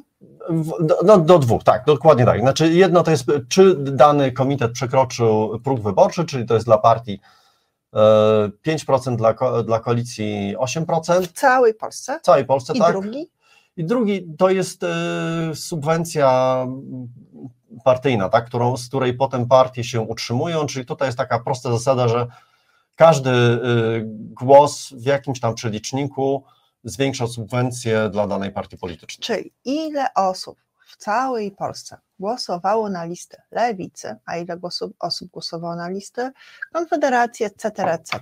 I liczba owych głosów potem jest przeliczana na pieniądze, które dostaje w transzach ta, e, ta partia czy ta koalicja przez kolejne parę lat do, do następnych wyborów. I uwaga, pamiętacie, pamiętacie razemki z 2015 roku? E, strasznie, strasznie wieszaliśmy na nich psy za to, że pojawiły się, pojawiły się nie razem z lewicą, ale obok i zabrały lewicy część elektoratu. Ale przetrwały, dlatego że, e, że, mm, że głosowało na nich więcej niż 3% wyborców. I mimo tego, że 3% to jest za mało, żeby wejść do Sejmu, to te 3% dawały wystarczająco dużo pieniędzy tej małej partii, która miała sobie małe biuro niedaleko mostu e, Łazienkowskiego, po to, żeby przygotowywała się do kolejnych wyborów za 4 lata, czyli w 2019 roku, kiedy już występowała razem razem z lewicą. Mhm. I do tego są, dokładnie to są wyłącznie te dwie rzeczy, dla których liczymy wszystkie głosy z całej Polski. No i liczymy je czasami po to, żeby pokazać, jakie są sondaże w całej Polsce. Ale tak naprawdę to 15 października będziemy mieli 41 wyborów. Tak, to, to dobrze o tym właśnie tak, sobie, tak to sobie pamiętać, że to są e, tak 41 oddzielnych wydarzeń, w których e, wyniki są liczone niezależnie od, jeden od drugiego. Teraz y, to, też co warto pamiętać, i to, to jest może też ważna rzecz, oprócz siły głosu, bo to się, to się wydaje mi się przebiło i tak, o tej sile głosów już e, dowiaduje się w różnych miejscach, w różnych artykułach. E, dość istotnym elementem jest e, to, czy nasza partia ma szansę zdobyć jeden mandat, dwa mandaty, tak mniej więcej jakiego wyniku naszej partii możemy się spodziewać w naszym okręgu wyborczym. E, I teraz to wygląda tak, że jesteśmy przyzwyczajeni i się tam emocjonujemy, czy nam dana partia przekroczy 5% próg wyborczy, załóżmy, tak? No i, i jak, nam, jak to przekracza, to nam się wydaje, że to już jest ok, no dobra, jakoś ten e, podział mandatu będzie sprawiedliwy według nas, czyli jakoś tam proporcjonalny. E, tymczasem wygląda to tak, że jak mamy okręg, im jest mniej mandatów w okręgu przydzielanych, czyli jak mamy tych, są takie okręgi, gdzie jest y, przydzielanych, nie wiem, 8, 9 mandatów. 7 też. 7 jest jeden, tak, to prawda, no ale, ale takich najmniejszych okręgów do, do, do 9 mandatów jest w Polsce, żeby nie skłamał, albo 12, albo 14, chyba 14. Wiem, że razem dają w sumie 120 120 mandatów. 120 mandatów, tak. I teraz w tych okręgach, żeby y, zdobyć jakikolwiek mandat, to, to, to na ten pierwszy mandat trzeba z, no, no, tak naprawdę e, osiągnąć wyniki, no powiedzmy w okolicach 9-10%, tak? E, I no, dopiero od, od, od, tego momentu partia ma, tam, ma, ma pewne szanse, że, że, że te, te, te, te, głosy zdobędzie. I teraz... Słuchajcie, słuchajcie bo, to jest, znaczy, bo to jest w ogóle bardzo ważne, co powiedział Michał. Jeżeli jest tak, że, że mamy wiele okręgów, w zasadzie, nie wiem, jedna, jakby jedna czwarta głosów pochodzi z, jedna czwarta? No trochę więcej niż jedna czwarta, pochodzi z y, małych okręgów, gdzie do zdobycia jest tylko 7, 8 albo 9 mandatów. I w tym okręgu odbywa się, um, odbywają się wybory. One naprawdę odbywają się wyłącznie w tym okręgu. To znaczy, ludzie rywalizują o 9 mandatów. I może się zdarzyć, że partia, która ma 9 albo 10% poparcia, nie zdobędzie w tym okręgu żadnego mandatu. Bo jeżeli pozostałe dwie mają, e, czyli na przykład PiS i PO, w tej, sytuacji, PiS i KO, mają po 30% poparcia, czy tam odrobinę więcej, to nie ma szans, żeby któraś z tych mniejszych jakby, jakby doskoczyła do poziomu chociażby jednego pierwszego mandatu. I to jest, i to jest skaza, znaczy w zasadzie skaza, to jest właśnie dąd, który mówi o tym, że jeżeli jesteś zbyt małą partią, żeby doskoczyć do pierwszego mandatu, czy do drugiego, to ciebie eliminujemy. I w tych właśnie okręgach e, zmarnuje się najwięcej głosów Zmarnuje się, to znaczy one zostaną oddane na te komitety, ale będzie ich zbyt mało, żeby komitet otrzymał pierwszy mandat. Zmarnują się e, głosy e, i, i lewicy, mogą się zmarnować głosy trzeciej drogi, Konfederacji również, chociaż akurat w Konfederacji trzeciej drodze to poparcie jest rozłożone bardziej równomiernie, czyli mniej więcej we wszystkich tych 41 okręgach ono, ono tak nie skacze, jak w przypadku lewicy, która ma duże poparcie w większych ośrodkach, a malutkie w mniejszych. Ja, ja może podam taki e, ciekawy, jak dla mnie, ale taki pozytywny akurat e, element i ewolucji naszej sceny politycznej z 2019 roku do, do, do dzisiaj. E, w cztery lata temu PSL występowało w, jako Koalicja Polska. Taki, tak się nazywał komitet i startowali w tych 41 okręgach. Koalicja Polska czy PSL, powiedzmy PSL, tak, jako partia, no, która nie ma nigdy jakiegoś wielkiego poparcia w miastach, ona nie zdobyła żadnego mandatu na Śląsku. Tam na Śląsku mamy sześć okręgów, z czego tylko jeden jest dwunastomandatowy, a reszta to, jest, to są dziewięciomandatowe okręgi. I wyglądało tak, że gdyby oni no, no zdobyli tam ponad 100 tysięcy głosów na Śląsku jako, jako w województwie, ale w żadnym okręgu nie przekroczyli tego progu naturalnego. Czyli mieliśmy taką sytuację, że wszystkie głosy PSL-u w wyborach 4 lata temu zostały kompletnie zmarnowane. E, pozytywna ewolucja tego, tego jest w, w tych wyborach będzie taka, że przez koalicję PSL-u i E, Polski 2050, e, tam doszli e, wyborcy tacy no, również w dużych i średnich miastach, tak? Także mamy taką sytuację, że te głosy nie będą zmarnowane. Trzecia droga no, ma bardzo realne szanse na mandaty również w tych okręgach w województwie śląskim. Tak? No, no to, to no, mamy taka właśnie no, historia. I teraz jakby rozumiecie, znaczy mam nadzieję, że to, o czym mówi Michał, jasno gdzieś tam prowadzi do tej konkluzji, która mówi o tym, dlaczego wymyślamy warianty turystyki wyborczej. Właśnie po to, żeby nie pojawiła się taka historia jak ze Śląska, kiedy 100 tysięcy obywateli, którzy chcą wybrać jakąś partię, oddaje na nią swoje głosy, ale ponieważ oddaje je w rozproszeniu kilku okręgów i to są małe okręgi, które mają mało mandatów, w związku z tym nie, jakby nie dają rady doskoczyć do tego pierwszego progu, kiedy mogą odebrać go którejś z większych formacji, żeby umówić się, że na przykład zjeżdżamy się do jednego, gdzie szansa na ten jeden mandat jest większa. Tak, znaczy i, teraz tak, bo ja, ja przyznaję, że y, to, co jest dosyć trudne do przewidzenia, to są te wyniki w tych okręgach wyborczych, tak? No bo to też dochodzi do, do tego element y, w jednym może być duża frekwencja, w drugim może być mała, także y, to tak, jak już widzimy te wyniki, to to się łatwo mówi, tak, no tutaj zabrakło tam tysiąca głosów, tak, jak, mhm. jak tych wyników nie znamy, jedyne takie twarde dane mamy w zasadzie sprzed czterech lat, czym trochę możemy się posiłkować wynikami wyborów prezydenckich sprzed trzech lat, no one coś tam nam mówią, ale ten stopień niepewności jest faktycznie bardzo duży. I teraz jedna rzecz, którą Czytamy warto was. zrobić. Ja, ponieważ to jest mhm. ten moment, kiedy ja, ja, już nie mówię, tylko słucham Michała i mogę czytać, to czytam Ciebie, Julo, i czytam, jak piszesz, powiedzcie wprost, że turystyka wyborcza ma znaczenie tylko dla KO. No dobra, a już mówię.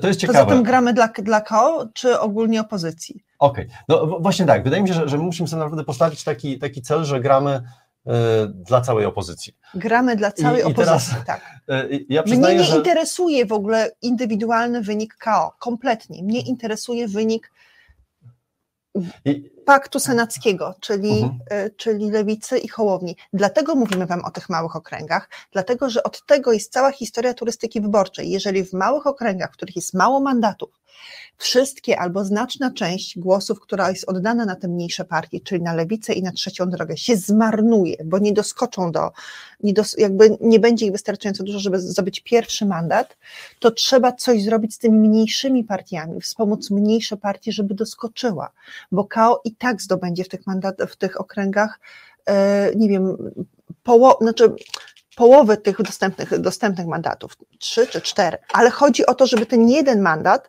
przypadł komuś z naszych, a nie, a nie Konfederacji. Tak naprawdę największe znaczenie w tej turystyce ma, ma właśnie próba wspomożenia mniejszych partii tylko po to, żeby milion głosów rozdanych na te partie po wszystkich okręgach się po prostu nie, nie wsiągł w grunt, tylko zamienił się na mandaty, z których będzie można potem sklejać rządzącą koalicję po naszej stronie. Dobra, i już, już czytam już pytania, bo może tak.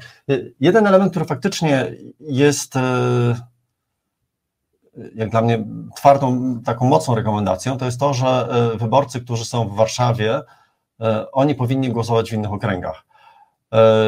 I teraz tak, na pewno dotyczy to wyborców KO, bo, bo no tutaj mamy taki trochę przelicznik 2 do 1, tak? Znaczy, jeżeli będziemy mieli taką dość masową skalę, y, znaczy mówię o, nie wiem, niech to będzie kilkadziesiąt tysięcy y, ludzi, y, aczkolwiek no, ja bym sobie życzył, żeby to było i 100 i 200 tysięcy ludzi, którzy wyjadą z Warszawy, to będziemy mieli ten efekt, no taki trochę przelicznik 2 do 1.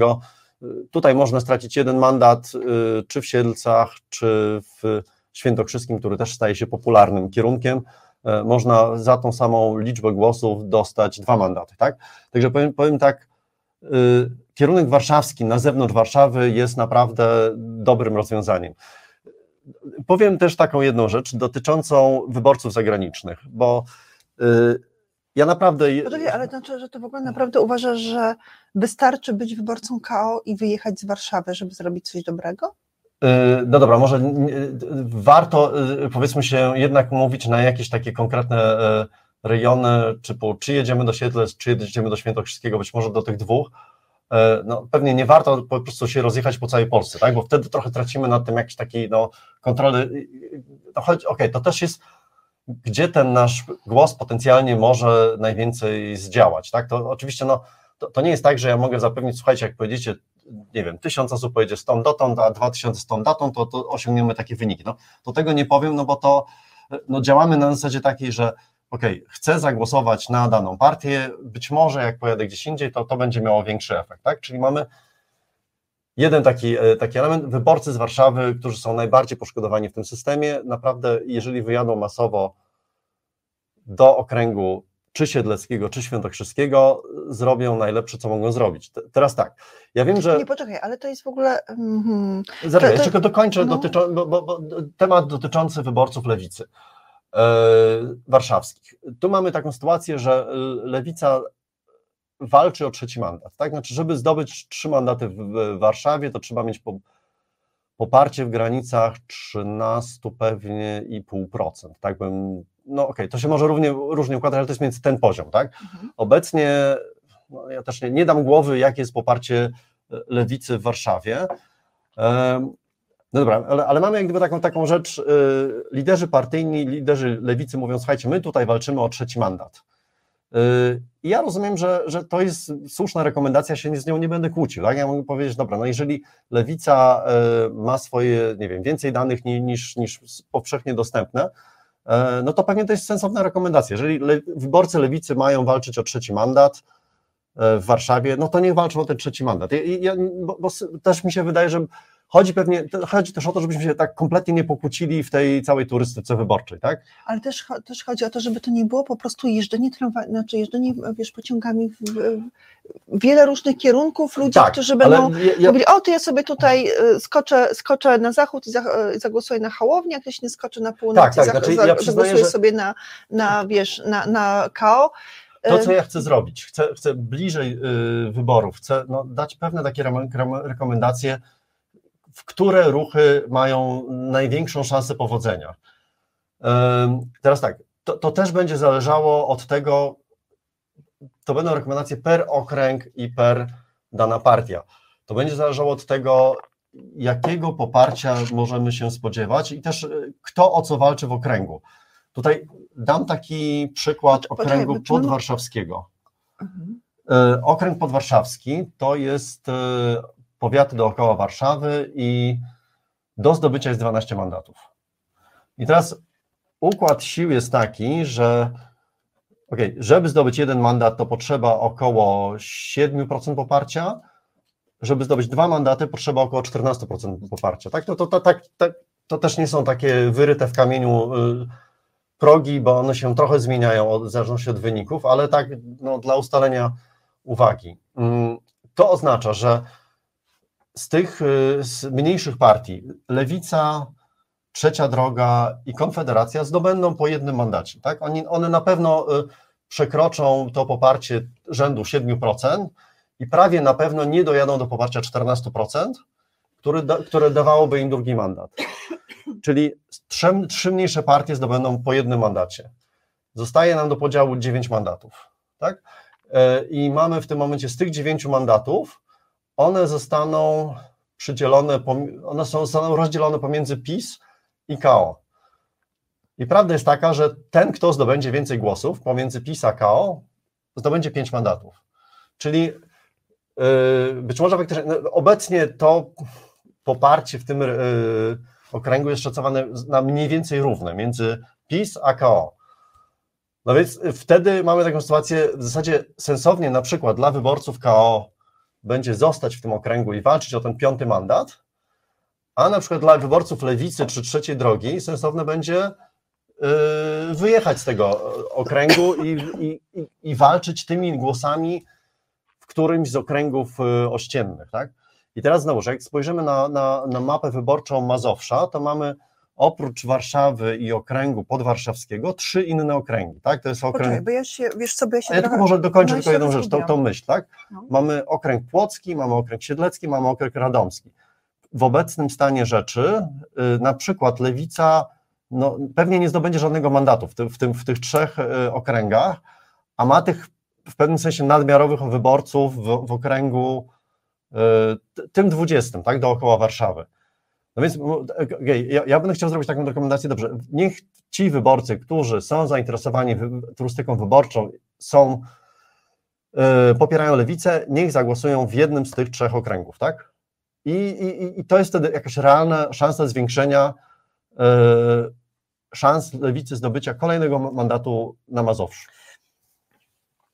Zaczęliśmy od, y, od wytłumaczenia tego, jak ważny jest aby w tych małych, znaczy w tych okręgach, w których jest niewiele mandatów do zdobycia e, i gdzie walczyć ze sobą będą dwie duże partie o, o porównywalnym e, potencjale, porównywalnej liczbie głosów, czyli PiS i KO, żeby ten jeden dodatkowy mandat dla mniejszej partii wpadł do ręki którejś z naszych partii, czyli albo trzeciej drogi, albo lewicy. I mam nadzieję, że wyjaśniliśmy to tak, że, że to było zrozumiałe, że e, jakby, hmm, że partia, która w tym danym okręgu ma mniej, e, mniejsze poparcie niż 10%, nawet mniejsze niż 11, 11 może nie doskoczyć do tego pierwszego mandatu. Dlaczego, dlatego trzeba ją w tym okręgu wzmocnić, generalnie wzmocnić ją gdzieś tam na tym poziomie ogólnopolskim, bądź jakoś przekłada.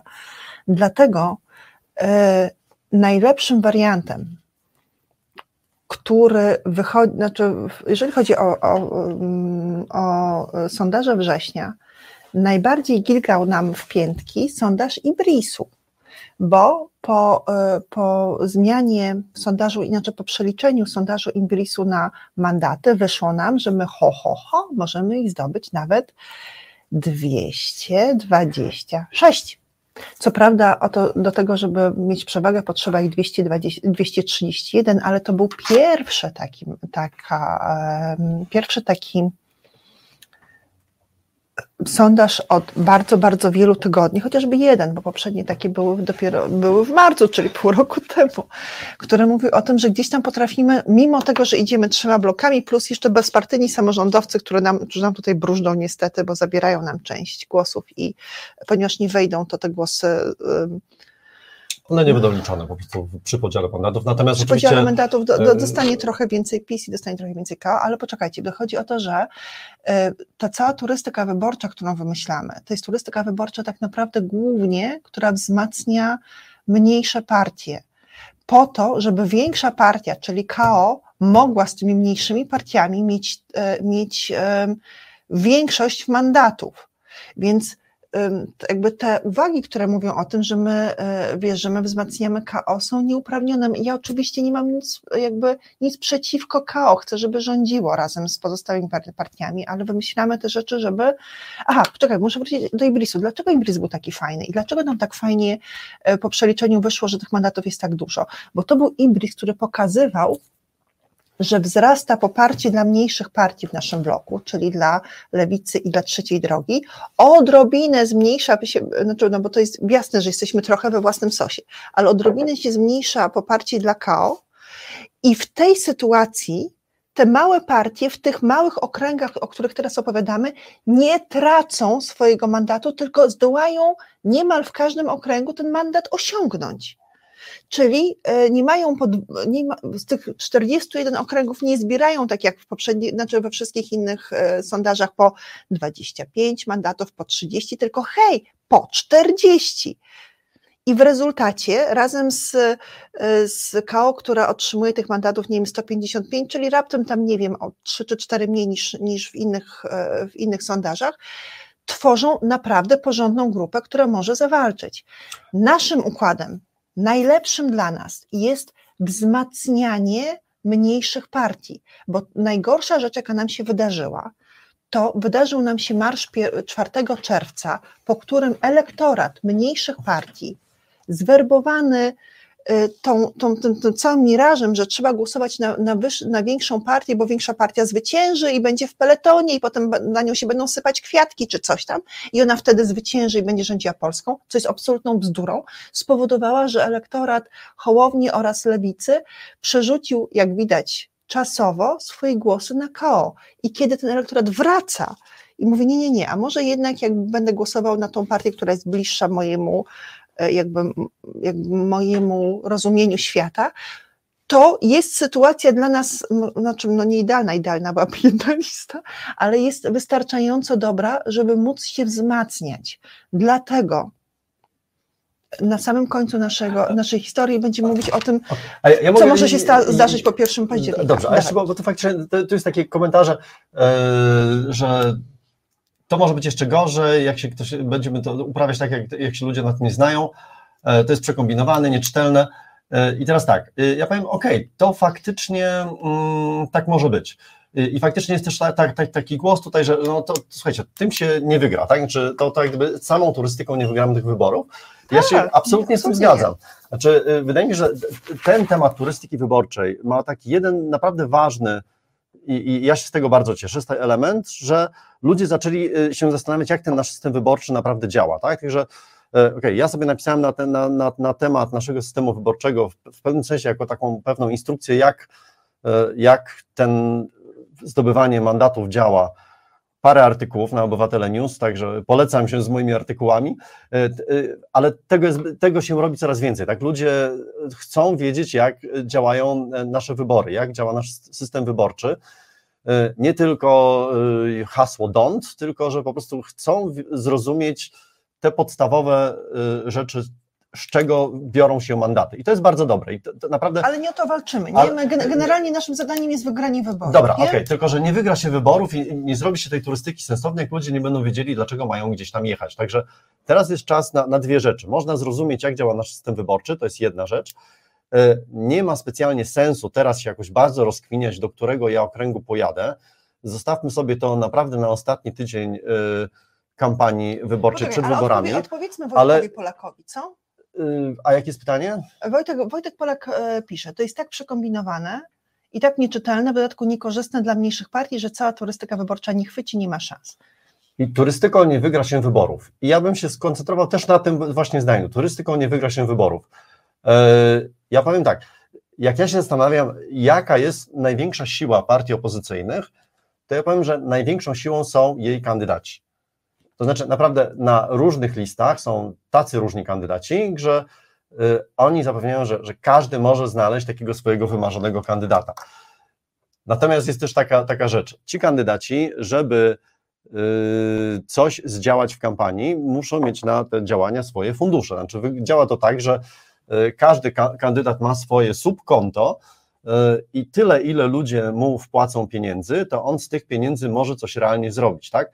De facto nie ma możliwości wydrukowania banerów, plakatów, zrobienia spotkań. Okay, wzmacniajcie, wzmacniajcie kandydatów, bo niezależnie od tego, co my tutaj kombinujemy, czy każdy kombinuje po z czymś tam. Arbitor, czyli, e, czyli spółka, która zajmuje się resetem obywatelskim, zebrała spośród Was pieniądze, to Wy za to zapłaciliśmy. Bardzo, bardzo Wam dziękuję. Dziękuję producentce programu, czyli Monice Krawczek, która, która zapłaciła pieniądze po to, po to, żeby, e, żeby przez, kolejne tego, przez kolejny tydzień te programy mogły wydawać, mogły być wydawane. Dzwońcie i e, piszcie do nas, to wyślemy wam te, wam te rzeczy, rozmawiajcie z ludźmi, płacicie pieniądze na, na kandydatów, doceniajcie ich. Tak, każdy, to... każdy, z ty, każdy z tych działań popycha do przodu ten wózek. I turystyka wyborcza jest też działaniem, które pop, może popchać do przodu ten wózek. Ona nie jest tak bardzo skomplikowana, jak, jak może, nie wiem, brzmi w naszych wyjaśnieniach. Najprostsze wyjaśnienie było to, co powiedział uh. -huh. Michał na samym początku, czyli cztery okręgi na Śląsku, w których zagłosowało na partię 100 tysięcy osób, ale 100 tysięcy osób to jest w ogóle wow, to jest kupa, kupa głosów, ale, że, ale partia nie otrzyma żadnego mandatu, dlatego że zagłosowało to 100 tysięcy w czterech różnych okręgach i w żadnym z nich nie staną, jakby ta grupa nie była wystarczająco liczna, żeby zdobyć mandat.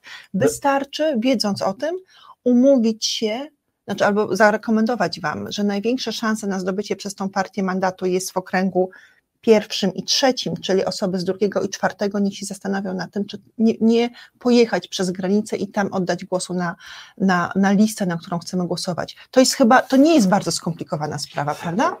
Ja powiem jeszcze jedną taką rzecz, tak? Znaczy, bo i, i też tak na własnym przykładzie. Ja kiedyś miałem takie podejście, że dobra, wybieram sobie jakąś tam partię i w zasadzie tych kandydatów, to ja sobie tak przyglądałem y, ciszy wyborczej. Mówię, no dobra, no zagłosuję z kogoś tam więcej ze, ze środka stawki, no to kogoś tam sobie wybierałem. I powiem, że, że ta, ten czas na wybranie sobie swojego wymarzonego kandydata z naszej listy to jest teraz. To znaczy, my powinniśmy teraz widzieć, ok, to jest fajny człowiek, bo ma dokonania w życiu pozapolitycznym, bo dość rozsądnie się wypowiada na Twitterze, na Facebooku i powiedzmy sobie tak, to jest taki kandydat, który mi pasuje. I, I, zróbmy to teraz, a nie czekajmy do tego, do tej ciszy wyborczej. I teraz jak zrobimy to teraz, to możemy zrobić dwie rzeczy. Z jednej strony możemy temu kandydatowi wpłacić kasę na jego fundusz wyborczy i oni się reklamują na, na, na Facebooku czy na Twitterze, wszędzie można znaleźć konto i, i jak to należy zrobić. Drukarnie drukują ulotki, drukują I, i teraz banery, tak, te, ten, ten kandydat, jak dostanie te pieniądze dzisiaj w tym tygodniu, to on z tym coś zrobi przez ten czas kampanii. Jeżeli dostanie to w ostatnim tygodniu, no to już za wiele nie zrobi, tak? Może sobie kupić na ostatniego wieczoru reklamę e, na Facebooku. I teraz wydaje mi się, że też jest taki element, którego my w ogóle nie używamy, to znaczy jak mamy już tego swojego kandydata ulubionego, to użyjmy tego kandydata do przekonywania nieprzekonanych, tak? Bo yy, wydaje mi się, że to będzie o wiele bardziej skuteczne niż yy, dyskutowanie na temat yy, liderów partyjnych, tak? Jak się będziemy yy, kłócić yy, z ludźmi spotkanymi na przystanku autobusowym, yy, czy lepszy jest Tusk, Kaczyński, Zandberg, czy nie wiem, Szymon Hołownia, to ludziom jak gdyby w ogóle już y, odpalają wszystkie bezpieczniki, nie chcą słuchać o polityce, tak? nie, chcą, nie chcą polityki z pierwszych stron gazet. A jeżeli pójdziemy do tego człowieka na przystanku i powiemy, słuchaj, to jest super gościu yy, i na niego warto głosować, tak? I on być może jest, nie wiem, z naszej okolicy albo no po prostu... A możemy... on mówi, nie lubię lewicy i co wtedy robisz? No to ja mu mówię, okej, okay, dobra, to spójrz sobie na tego, tego i owego kandydata. Znaczy, tak naprawdę. Ale ja w ogóle nie lubię lewicy. Okej, okay, dobra, jeżeli ktoś nie lubi lewicy, to może sobie wybrać kandydata albo z KO, albo z trzeciej drogi. I to jest myśl. I, i oni są naprawdę tam. Znaczy, y, y, naprawdę to jest taki nasz największy atut tej strony y, demokratycznej, nasi kandydaci. E, e, I, I, po prostu PiS nie ma dobrych kandydatów. No to, to, to, to, to są po prostu Dobra, takie nie, nie, realia. Nie, nie będziemy wam, was przekonywać, że PiS ma gorszych kandydatów niż opozycja. Chodzi o to, że skoro nie udało nam się jako społeczeństwo doprowadzić do tego, że mamy wspólną listę wszystkich kandydatów, e, która walczy z, z konglomeratem Zjednoczonej Prawicy i konglomeratem Konfederacji, to możemy zrobić chociaż tyle, że nosząc te ulotki, naprawdę, wymyślmy sobie, że to będą trzy dni. Trzy dni w ciągu najbliższych 27 do wyborów, kiedy będziemy nosić ulotki e, któregoś z naszych kandydatów, że razem z tymi, e, z tymi ulotkami naszego kandydata, czy chociażby naszej listy lewicowej czy trzeciej drogi, będziemy nosić również ulotki kandydatów z innych opcji politycznych, bo naprawdę nasze dwie ręce i nasze dwie nogi i nasza głowa i język nie musi obsługiwać wyłącznie jednej opcji. Jeżeli rozmawiamy z osobami niezdecydowanymi, do których jest adresowany ten, e, adresowana ta książka, ta broszura, to nie musi ona, ona dostać, znaczy nie musi ona trafić w ręce tylko po to, żeby przekonać kogoś, że powinno się głosować na KO i że w ogóle Tusk jest absolutnie the best, albo że nie ma takiej osoby jak Hołownia, która była, zagwarantowałaby nam jakieś y, spokojne, etc. rządy, albo nie ma równie progresywnej partii jak Lewica, która zajmowałaby się młodymi. Bierzmy wszystkie ich ulotki, dajmy człowiekowi, który się waha, wybór. Bądźmy orędownikiem i bądźmy... Yy, tą, tym papieżem ekumenizmu, który mówi o tym, to nie ma znaczenia, na którą z tych partii oddasz swój głos. Wszystkie one są demokratyczne, wszystkie pragną zmian, wszystkie są praworządne i wszystkie będą dbać o prawa człowieka, które są Twoimi prawami. Prawa człowieka to nie są prawa, które są doklejone do, śniado, do śniadolicych i ciemnowłosych dzieci i kobiet gdzieś tam w zamarzniętym lesie. One są naszymi prawami. To są prawa do, do tego, żeby być zatrudnionym na umowie o pracę, do tego, żeby y, pracodawca wypłacał nam wynagrodzenie zgodne z kodeksem pracy, z tym, żebyśmy byli leczeni, bo to, y, bo to, to leczenie gwarantuje nam konstytucja, z tym, żeby policja nie zajmowała nam, znaczy nie, nie szargała nas, albo komornik nie wchodził, nie zajmował nam tego, co chce, dlatego że ktoś o, podobnych, o podobnym do naszego nazwiska, ale o innym PESEL-u wziął jakiś kredyt. To są to wszystkie rzeczy, które gwarantuje nam konstytucja i które yy, i którymi wszystkie te partie chcą się zajmować, a przede wszystkim chcą zajmować się przyszłością, czyli o tym światem, który zostawimy swoim dzieciom, nawet jeżeli to nie są nasze własne dzieci, tylko dzieci podwórkowe, sąsiedzkie, albo to są dzieci naszych znajomych. Więc yy, naprawdę mi się wydaje, że nasza, nasza energia nie musi iść wyłącznie w jeden, jakby w jeden gwizdek fletni pana, pana mówiąc o tym, że to jest jeden lewicowy kandydat, czy tam, czy hołowniowa kandydatka, która jest w ogóle najlepsza, inni to w ogóle cię do nie umywają. Y, jak chodzimy do osób niezdecydowanych, bierzmy trzy ulotki trzech komitetów wyborczych. I to. Tak. E, e, ja tak powiem Wam e, też, tak dzisiaj czytając artykuł dotyczący właśnie takich rozmów z wyborcami, się, jeden taki cytat był dosyć fajny, jakaś tam pani w Jaworznie się wypowiadała i powiedziała tak, w policji jest jak z naszą drużyną w piłce nożnej. To chyba było o politykach PiSu głównie. Nachapali się już i nie chce im się biegać po boisku. Postawią na kogoś, komu się jeszcze coś chce. I teraz oprócz tego, że dotyczy to polityków, to de facto dotyczy to wszystkich nas. To znaczy, nam przez następne 2,5 tygodnia, 3 tygodnie musi się chcieć różne rzeczy robić musimy po tej y, y, wyborczej y, murawie biegać. Także, okej, okay, no nie mamy, wpływ mamy taki, że możemy na kogoś zagłosować, oczywiście, tak? To jest nasz personalny dołożenie się do tego wyniku, ale jak już y, ten wieczór wyborczy się zacznie, to miejmy to poczucie, że po prostu przez ten czas następnych tam trzech tygodni zrobiliśmy, co mogliśmy, y, żeby przekonywać ludzi, tak? I to, to jest tak naprawdę, dasz, to trochę, to, to od nas zależy, tak? Co zrobimy w te, w te następne trzy tygodnie, jak już zrobimy te, przez, przez te trzy tygodnie, za trzy tygodnie będzie tam około 10 11 października, to wtedy możemy się ewentualnie spojrzeć na tą e, turystykę wyborczą. Ja obiecuję, że do tego momentu też pewne rekomendacje e, będę miał. Natomiast to też nie będzie tak, że ja powiem, że, że każdy w każdym okręgu ma teraz się zastanowić, gdzie ma jechać dalej. Tak? To, to faktycznie będzie dotyczyło pewnych wybranych okręgów i pewnych wybranych grup e, wyborców. Także to, czy ten wynik będzie po naszej myśli, y, jak się obudzimy w poniedziałek 16 października, to zależy od tego, czy my jako ludzie zrobimy dobrą robotę przez następne trzy tygodnie. A pewnym takim, no nie wiem, boosterem tego wyniku to będzie ta nasza turystyka wyborcza, tak? Bo, bo ja też tutaj faktycznie y, jak się spotykam z takimi zarzutami, że, że czasami ta, ta turystyka wyborcza może być y, odebrana jako takie panaceum, że ona wszystko nam rozwiąże, to, to ja faktycznie tego się obawiam, żeby ludzie nie, nie wpadli w taki jak gdyby samo zachwyt, że my już mamy tu opracowane, że pojedziemy do Sulejówka, w związku z tym następne dwa tygodnie mogę nic nie robić. Nie, to właśnie jest odwrotnie. Czy to teraz y, trzeba biegać i trzeba szukać tych nieprzekonanych, no ja, ja mam, nie wiem, kolegę w Londynie, który mówi, o ja właściwie, słuchaj, nigdy nie głosowałem, a zawsze tam miałem jakiś tam problem, że, że już prawie chciałem, ale mi tam ktoś tam nie pasował. No więc ja teraz no, siedzę z tym kolegą i mówię, dobra, słuchaj, y, y, tu mam dla ciebie dobrego kandydata, tak, w Warszawie, zobacz tego, tego, owego, i wybierz sobie i, i, trochę go dopinguję, żeby on faktycznie coś zrobił, tak? Poświęćmy czas na to. Tak, znaczy, poświęćmy tak, czas na to, żeby zapytać wśród naszych znajomych, kto będzie głosował, a kto się waha i tym wahającym i tym wahającym pogadajmy z nimi. Znaczy, jak już ktoś wie, no to okej, okay, to, to jeżeli jest po naszej stronie, to w ogóle git.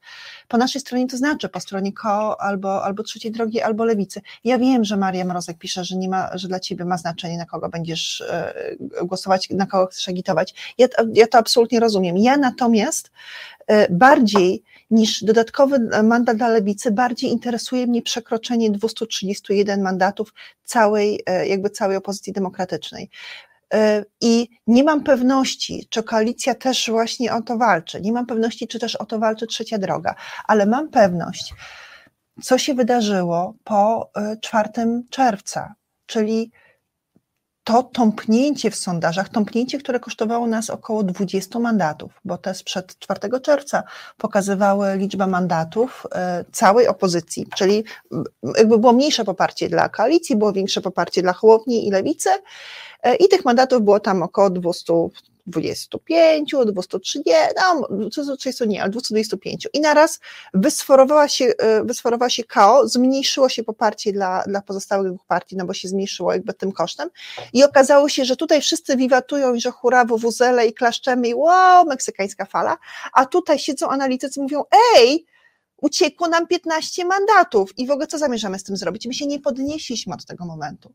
Nie mamy żaden kolejny sondaż poza tym małym ibriskiem sprzed trzech dni, który pokazał, że Platforma trochę słabnie, ale trochę, trochę jakby yy, wyższe jest poparcie dla trzeciej drogi i lewicy i wtedy znów liczba mandatów robi się, robi się jakby większa. To próbowaliśmy Wam wyjaśnić na początku tego modułu.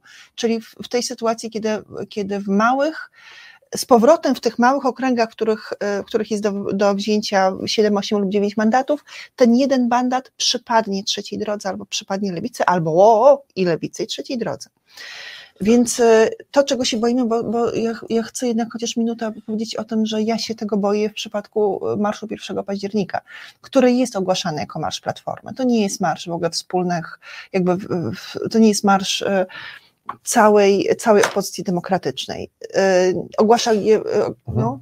Mhm. Tak, tak, znaczy ja, ja, też się zastanawiam, jaki będzie efekt tego marszu i wydaje mi się, że, że dobrze by się naprawdę stało, gdyby ten marsz w swoim przesłaniu był bardzo mocno i jasno adresowany do wyborców e, niezdecydowanych, tak? To znaczy wyborcy niezdecydowani... No przecież nie będzie, no przecież to no będzie dobra, marsz, nie, no, no dobra, w ogóle, no to, to wiesz, mówię, wyborców Platformy, no, no, w ogóle... No dobra, ale to, to znaczy tak... No, chciałbyś, żeby to był inny marsz niż Nie, nie, nie, ale e, tylko mówię o, o, czymś takim, żebyśmy się, e, znaczy dość mnie teraz, e, mi się nie podoba takie przerzucanie się, że ktoś pójdzie albo ktoś nie pójdzie, a on jest winny lub niewinny i tak dalej, tak? E, jeżeli powiemy, że każda wyborcza działalność ma sens w tym, jeżeli adresuje wyborców niezdecydowanych, to wtedy no po prostu ten y, weekend wyborczy za dwa tygodnie, 30 y, i 1 września, po prostu niech każda siła polityczna robi to, co może, żeby pozyskać nowych wyborców. To, to znaczy ten marsz na Ale pewno... niech nie, nie, nie, niech nie kanibalizuje, tak, tak, e, tak. Niech nie kanibalizuje tych, które, którzy są w, jakby w innym miejscu. To przede wszystkim grozi nas, nam to ze strony Platformy. Niech Platforma nie szuka, nie łowi swoich wyborców wśród Lewicy. Ja wiem, że ściągnęła trzy czwarte programu Lewicy do, swojego, do swojej agendy i bardzo dobrze, bo ja chcę, żeby ktokolwiek rządził, to żeby miał agendę Lewicy. Jakkolwiek by się nazywał i jakkolwiek wyglądałaby, jak, jakikolwiek kolor miałaby jego chorągiewka. Naprawdę naprawdę, bo to, jest to dla mnie istotniejsze aniżeli to, że, że lewicowe postulaty będzie załatwiała lewica. Niech, niech załatwia lewicowe postulaty KO, czy Hołownia, czy niech PiS załatwia lewicowe postulaty, jeżeli one są dobre. E, ale Gonia Francuz, pytasz o Wieruszów, muszę Ci o tym opowiedzieć, dlatego nikt nie mówi o Wieruszowi, dlatego że PiS olał sprawy i nie robił tam ani szczątku swojego, swojej um, kampanii wyborczej. To był, to, znaczy Wieruszów to jest taki event... Cię, bo coś mnie dobra. Dobra, zrób sobie przerwę, masz tutaj, masz mhm. tutaj. E, w było tak, że, e, że rok temu tak się wydarzyło, że był event pokazujący prawybory, bo Wieruszów mniej więcej ma taką samą, taki sam rozkład głosów i taką samą demografię jak cała Polska i wtedy wygrał PiS i potem w normalnych wyborach też wygrał PiS. Teraz w Wieruszowie wygrała bardzo mocną platformę, ale tylko dlatego, że PiS tam się po prostu nie pojawił. Tam pojawiali się wyłącznie politycy Platformy, Trzeciej Drogi i, e, i Lewicy, dlatego, dlatego e, jakby wynik prawyborów w Wieruszowie, czyli tych niecałych 20% ludzi, którzy głosowali, nie mają kompletnie znaczenia. E, pytasz też, nie mówimy o tym, że przypadnie Konfederacji. Tak, nie, nie mówimy o tym, że przypadnie Konfederacji, bo raczej nie, nie liczymy na to, że ktokolwiek nas ogląda i kto będzie się w te wybory angażował, będzie będzie namawiał do tego, żeby głosować na Konfederację. E, tak, Wojtek pisze, że starasz się nie krytykować poszczególnych partii opozycyjnych, nie będziesz robił roboty zapis. Tak, to nie rób tego. To, to była straszna rzecz, która nam się wydarzyła. Znaczy, krytykowanie siebie nawzajem i próba wydarcia między, między sobą tego kawałka sukna, czyli ludzi, którzy chcą, którzy byli antypisowcami i chcieli głosować na, na którąkolwiek z partii, byleby to nie był PiS. Podział głosów, w którym mamy dominującą, bardzo dominującą platformę i e, bardzo nisko umieszczone pozostałe obie partie e, opozycyjne, działa na naszą niekorzyść, właśnie dlatego, o czym mówiliśmy godzinę temu, na początku tego modułu z Michałem, że w mniejszych w mniejszych okręgach te mniejsze partie nie dostaną ani jednego głosu. Turystyka wyborcza ma między innymi pomóc w takich sytuacjach, czyli powiedzieć, słuchajcie, tutaj są cztery okręgi bardzo blisko siebie, w dwóch z nich Lewica ma szansę na, na zdobycie mandatów, w pozostałych dwóch y, ma szansę największą na zdobycie mandatu trzeciej drogi. Dlatego trzecia drogo z tych wszystkich okręgów, jedź tu albo tu, a lewico jedź tu albo tu. Takie będą, tak będą wyglądały rekomendacje, jeżeli się już pojawią, bo do tego, żeby je wystawić, potrzeba bardzo dużo, e, bardzo dużo przygotowań i musimy mieć te rzeczy na ostatnią chwilę. Ostatnie słowo należy do naszego gościa. Bardzo. Tak, ja, ja przepraszam bardzo, trochę, trochę za nie mogłem, natomiast chciałem Ci też pokazać, że e, e, żyję i przeżyłem, tak, e, atak kaszlu. E, ja powiem tak, e, naprawdę ważne jest to, żebyśmy głosowali z przekonaniami, tak? I to z własnymi przekonaniami takimi e, trochę ideologicznymi, ale też z przekonaniem, że chcemy poprzeć konkretnego kandydata i to jest faktycznie nasz wybrany kandydat. To jest najważniejsze. Przekonujmy innych ludzi, e, a na końcu przed wyborami zerknijmy, czy możemy coś zrobić, e, głosując w innym okręgu wyborczym. I myślę, że tak, ten dodatkowy element może nam wygrać nam dodatkowych parę mandatów i, i, i o tym warto pamiętać, natomiast najbliższe dwa tygodnie to jest po prostu dla, nasza ciężka praca, żebyśmy no, pobiegali, pobiegali po tej e, murawie wyborczej. E, nie czekajmy, co zrobią kandydaci, po prostu zróbmy my jako obywatele, tak? tak. Coś dobrego w, te, w tej kampanii. Jeszcze raz dziękuję Wam bardzo, że płacicie pieniądze. Monice Krawczyk dziękujemy za to, że była producentką naszego e, programu, Michałowi za to, że ogarniał, ogarniał nam całe studio i, e, i, e, i transmisję i wpuszczamy na antenę Blankę Dżugaj. Widzimy się za tydzień. Będziemy gadać o, będziemy gadać o Polsce, ale o sondażach też. Do usłyszenia. Dziękuję bardzo.